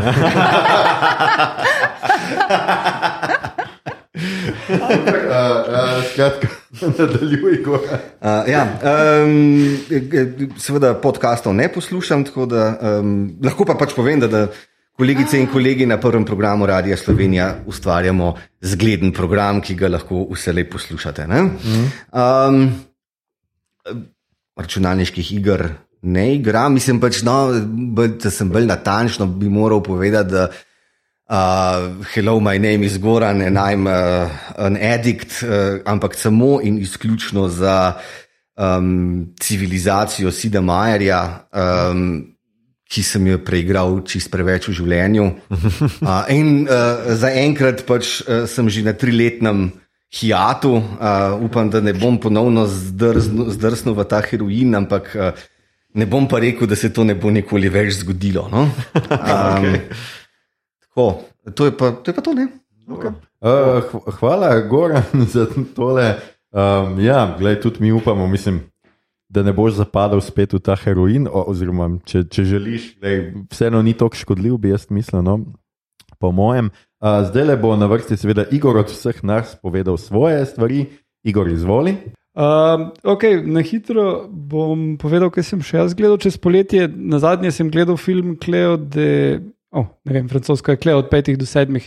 Uh, Anje Varda, uh, mislim, da je en najboljših filmov vseh časov. Uh, res, res, res je dober film. Uh, mislim, preprosto, fulje preprosta zgodba, krasna igra, lepo je sestavljen. Uh, mislim, pogledajte ga, boljši človek ste, če ga vidite. Oh, ja, to je na Mubiju. Na Mubiju je. Ja. No, uh, ono, you make me wanna be a better man. uh, pogledal sem serijo, če grem malo bolj žanrski, Miss Marvel, uh, ki je krasno uh, posneta, vizualno je super, fulje v redu, pač cel ta inkluzivnost, uh, prikaz uh, islama in tako dalje. Uh, Medtem ko Kar se zgodbe tiče, pa je full problem, isto kot pri večini akcijskih serij. Da, ne vem, recimo je primer, da nekdo pobegne od nekod in potem vsi ostali, ki so ga zasledovali, uh, zdaj pa ne moramo za njim, ker je že šest metrov naprej. Ja, ja. In, in full tega se dogaja in to ni edina serija, ki ima ta problem, ampak res uh, je pa pogosto, ampak je pa tudi tako malo bolj najstniško, tak, da je ok. Uh, vizualno pa res, full je lepo narejena zadeva isto uh, Marvel Moon Knight serija ima pa še večje potencirane te probleme. Uh, Isaac sicer pa, pa Ethan Hawke sta super, uh, full, full, full naredita, ampak eh, štorija pa občasno, ker nima smisla. Ja. Sploh. Uh, pa te bogovi, pa to, to mi je tudi bilo lušno, ampak uh, zdaj ne vem, mogoče se v drugi sezoni izboljšajo. Uh, če smo pri Evil, Ethan Hawke, gledal sem Black Phone. Aha, Um, zdaj, mislim, lahko tukaj daš kar link do članka od one. Uh, Jurc. Ane Jurc, Ja, tiste bil zelo, zelo vredno povzame vse, kar je. Krasen Stephen King, ki ga je po zgodbi njegovega sina. Aha. Uh, Oh, ja, okay. pač v 70-ih se dogaja, zelo vredno narejeno. Uh, potem pa gledal sem orkester, ki ga bo še Ljoša zihar omenil, res lep film. Mhm. Uh, in prebral sem Veščica, hvala obema za priporočilo. In? Ja, ja fajn se bere. Ja. Uh, večina, uh, mislim, akcije je ful dobro, razen vsake toliko ni, ampak uh, ful je dobro narejeno. Uh, zelo hitro, tako poletno branje in se veselim druge. Uh, in potem sem prebral še knjigo Čajne Mjevila, Perdido Street Station, ki je insane in je daleč najboljši fantasy, kaj sem ga kdaj bral. Kar se worldbuildinga tiče, insane je, v bistvu ni prav fantasy, ampak je new weird, ker je res fucking weird. Tak, poleg normalnih ras imaš eno raso, ki so malo uh, žuželke, tako glavo imajo žuželk. In potem imaš seks z interspecies erotika, rečemo temu. In je ful tako pisano, zelo grafično, kako stvari delujejo. Ampak pol, tak, poleg tega urban fantasy, ki je postavljen v, ne vem, rečemo, v 18. stoletje, ne, tak, uh -huh. vlaki so pa uh -huh. tako dalje, airships. Uh, imaš bitja, ki so v več dimenzijah, hkrati pa imaš pekel, ki so a bunch of pussies, ker jih prosijo, da jim pomagajo, pri nečem pa ne upajo. Uh, ker imaš bitja, ki izpijejo sanje, so pač zlobneži, izpijejo pač življenjsko silo in sanje in vse skupaj, uh -huh. in potem ljudje pač, so tako, ali pa druga bitja, vse napadajo. No, in potem ta, uh, oni iz pekla, basically vejo, da so oni tudi lahko tarče teh in demoni, ne, veš li pomagati, eh, reš ne. Okay, uh, res weird. Pa, Ampak ne, okej. pol, na vse to dodaš še AI. In, in, Aha. ja, imaš neke mašince, ali rumbe, pač neki stroji, ki so basically coal powered, ampak delajo na neke kartice in pol dobijo inteligenco. In, Potem se povežejo mm -hmm. in imaš še celo neko cyberpunk zadevo, no, oziroma steampunk. Ampak ja, uh, je res fucking weird, plus tebi bi bilo všeč, ker je full umetnikov. Not, uh, in, uh, ja, oni bugged people so umetniki, nekateri med njimi tako, da neko plastiko žvečijo in potem v ustih uh, oblikujejo kip in ga vam pljuvajo in skupaj lepijo. In tako. V Glavnem, Okay. kot sem rekel, najbolj yeah. insane uh, in en boljših fantazijev. To za intermezzo, Ja. včeraj smo se s Tino zabavali, ko en mem kroži okrog. k Tina Umetniki včasih radi poližemo svoj čopič, zato da je uh, konico za, uh, za ostriž zopet. Ja, ja. Po pa en mem okoli kroži, kot Renaissance artist, kot full of lead, uh, contemporary artist, full of plastic. a veš. ja. Uh, in uh, ja, to je bilo to. Okay. Uh, Uh, hvala, Igor, hvala. za tvoja priporočila poletna. In Mito, super, hvala, Igor, Mito, skratka, ti si na vrsti, um, kaj si pa ti pogledal, prebral, videl, slišal. A, špilal noč. Uh, Oh, wow. Pogledal dve sezoni Orvila, uh, bom pa oceno za zdaj zadržal, dokler uh, mislim, da 10. augusta pride na Disney, Plus, uh, tretja Tretja? sezona. Uh -huh. Tako da bom tisto pogledal, pa bom v naslednji sezoni podcasta bod več povedal o tem. Je pa the best, mi je zelo všeč, uh, je super, samo toliko. Uh, prebral sem pa končno Herman Mevilovega Belega kita. Uh -huh. uh, me. Um, Mislim, tako bom rekel, ful sem se ga veselil, pa zajeten špeh je, ampak zdaj razumem, zakaj je takšen zajeten špeh, pa ne mislim toščo na kitu, ampak um, ker je pač um, toliko filerja noter, uh, ko opisuje um, postopke in vede in uh, ves leksikon kitolovstva od vrha Jamborja do uh, samega morskega peseka, ki tam grizlja uh, kitovo plavut. Um, in to full zgodbo ustavi in to me moti. Razumem, da je to kul, cool, pa nujno za 19. stoletje, ker je roman ven prišel, ampak temet, imel probleme. Uh, Medtem, ko če bi pa to vse oklesto, je pa zgodba super, uh, ta mm. zgodba uh, maščevalnega človeka proti naravi ali Bogu ali kakorkoli boš to obrnil, je pa izjemno, izjemno super napisana. Še posebej kontrast med uh, opazovanjem Išmaila kot nek naš. Uh, portret ali postavljenec, uh, ki govori poljudno, uh, razmišlja na nek zelo trezen način, uh, skuša ohraniti trezno glavo, pa ta nek veliki šekspirijanski zanos Ahaba, ki uh, vse povleče, seveda, v pogubo.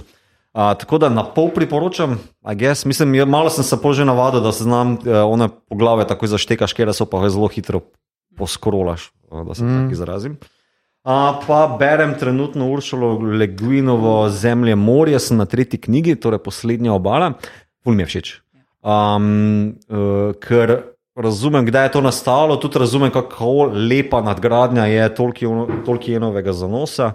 Um, pa predvsem mi je všeč zato, ker je bolj intimno kot pa ta velika, široka planjava epskega sveta, ki ga je Tolkien zastavil, tukaj je pa nekako bolj intimno, se skupaj imaš en čarovnik, en lik. Uh, včasih spomniš, uh, uh, kaj je najprej zastavljeno, kako se bo zgodilo, preseneča me vedno znova, pa tako bolj intimno se zgleda. Mislim pa, bere se zelo bolj fino no? na ta način.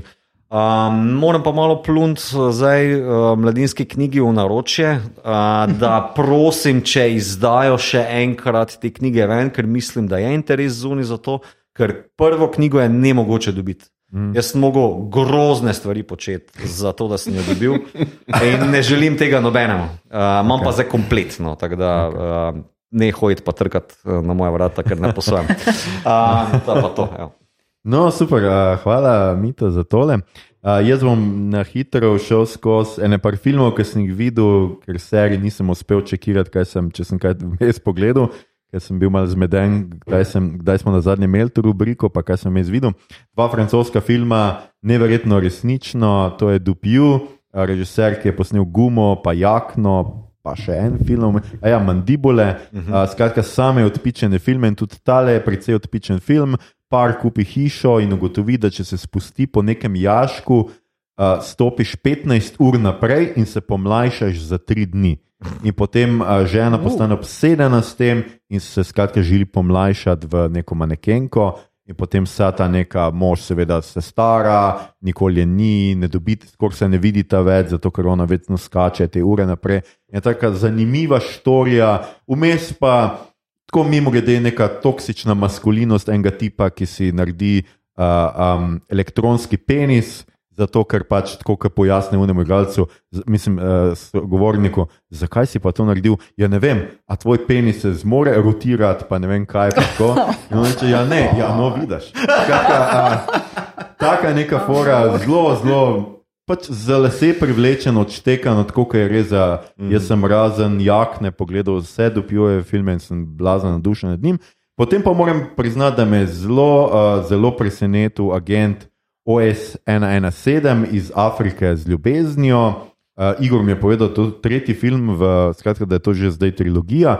Jaz prvi dveh nisem gledal, sploh nisem vedel, da obstajata. Gledal sem na gradu in moram reči, da je ena taka super pervertirana, bi rekel, skratka, imamo agenta v 80-ih, francoski koloniji, v, v Afriki gre reševati neke, skratka, diktatorja pred uh, uporniki in tam noter je, vse, imate vse, pa skratka.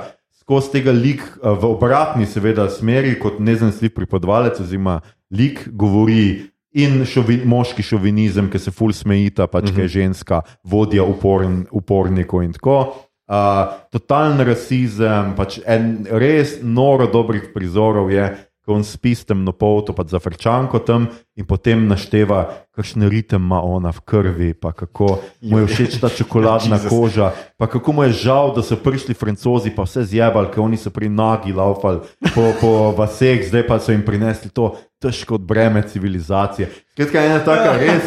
Wow. Jaz sicer mislim, da ljudje, ki ne prepoznajo ne vem, ironije, bo imel zmedenje, ampak meni je bilo blado, jaz sem se režal, zmešan skupaj z Igorjem, no sva se režala.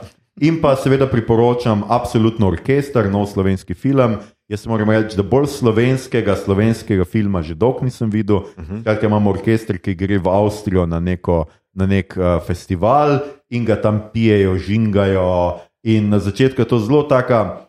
Mal preveč lahkotna se zdi zgodba o alkoholizmu na poti, ampak potem imaš vse te teme, strah pred izgubo službe, smrtjo, uh, njihove ženske doma žurajo v Zagorju in tako. Ena taka res, um, jaz moram reči, da zelo dobra, pač uh, reži se skozi, hkrati pa zelo resne teme prunice, zelo počasi čez vrsta alkoholizem in to v zadju, kaj se dogaja, pa da vsi ti ljudje bežijo od nečesa in to se mi je zdelo.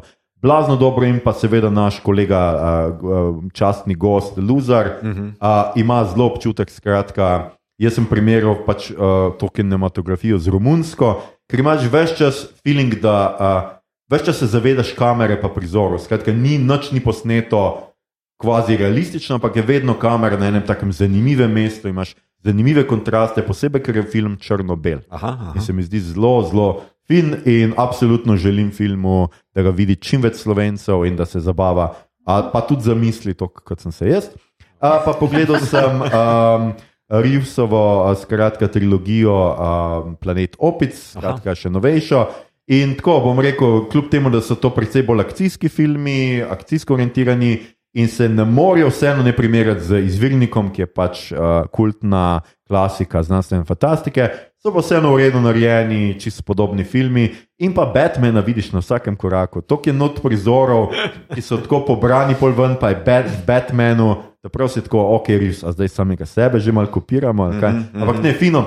Pa zadnji, presenetilo me je zadnji, ker opice res, kljub tej maski in kljub temu, da imamo predsotke za CGI, jaz mislim, da vsi, ampak skozi to masko in CGI res neke emocije začnejo pač ti, ne opice, ampak skratka primati kazati. Ja. To se mi je zdelo blazno, blazno dobro in neverjetno uspeh pač tega. Te trilogije. Ja, edini škoda, da bi ste v zadnjem filmu, ko pa pogrunta, ful dobro, kako jih je res ja. lepo predstaviti, imajo pa tako bed zgodbo, oziroma tako malo bolj slabšo. No. Ja, ja pa zgodba je pa sem tako, le ja. smo, ok, ujeli so nas spet, ok, spet se moramo rešiti, ok, spet ja. ti ljudje. Ja, zgodba je pa mal tako šit. Ja. Uh, ampak ok. Ljudje, ljudje, če boste verjeli ali ne. To je bila že naša 130. epizoda. Poslušali ste podcast, ki se oglaša na ime Obot, podcast za serijo filma Resne Špile in knjigo vseh žanrov od F do Z. Se prečujem, mogel sem listo obrniti ki ga gosti mreža Apparatus. Z vami smo bili, Maša, Putin je Gal Dukat, Jelušič, Goran, Francis Fukuyama, nima, nikoli nima prav, gre kleva, Igor Spock, Shaped Hall, Harp uh, Mito Prapočelo Gigič oh. in Aljoša Seksi Irc Harlamo. Tole epizodo smo posneli v knjižnici Mladinske knjige, ne uh, v knjižnici, zdaj pa na robe govorim, tole snimamo v sejni sobi Mladinske knjige in Cankarve založbe, ki se ima zahvaljujemo za gostoljublje, ljudje, berite knjige. Uh, če vam je bilo všeč, kar ste danes slišali, delite všečkajte naš podcast. Naročite se nam preko vaše najljubše aplikacije oziroma ponudnika podkastov, dajte nam kakšno oceno na Apple Podcast ali Spotify, Spremljate platformo aparatov z odličnim izborom podkastov za vsakega, in če se te dni zaskrbljeno ozirate okrog sebe in vidite samo vročinske valove, sušo in požare, propad zemlje in narave, naj vas potolaži 102. pravilo prilaščevanja: narava propada, to da latinum traja večno. In če ste se slučajno spraševali, Star Trek nam laže, Zemlja ni v federaciji, že zdavnaj so jo zauzeli neoliberalni ferengi, a na srečo upor proti njim ni za manj. Poslušajte nas za še več ekonomskih nasvetov, oziroma kot pravi sedmo pravilo prilaščevanja: ohranite ušesa odprta. Na Twitterju nas najdete kot adpodcast, obot na Facebooku in Instagramu kot podcast s KM, obot brez pikcu mes. Sicer pa najdete vse pomembne povezave tudi v drevesu povezav, oziroma na link 3, ki ga najdete na dnu objave. Na družabna omrežja delimo rajce, prikolice, novice sveta, žanra in druge zanimivosti, in tja lahko usmerite vse vprašanja, pripombe, komentarje, tutoriale za masažo ušesnih mečic, predloge, kaj bi za vas pogledali naslednjič. Tole je bila že 130 epizoda, drugi poletni special, z rednim programom se vrnemo, kot nekajkrat rečeno, mogoče tudi zarečeno, ampak v peti sezoni, ki jo zaenkrat načrtujemo konec septembra in sicer 27. septembra, uh -huh. če bo karkoli drugače, vam vmes sporočimo. Za konec pa seveda ponovno prosimo, da če lahko pomagate in bi želeli pomagati, vam v zapiskih ponujemo povezave do informacij, kako pomagati civilistom in beguncem iz Ukrajine. Hvala vam, obodovci in obodovke, ostanite ljudje in ljudine in se redno poslušamo znova od septembra.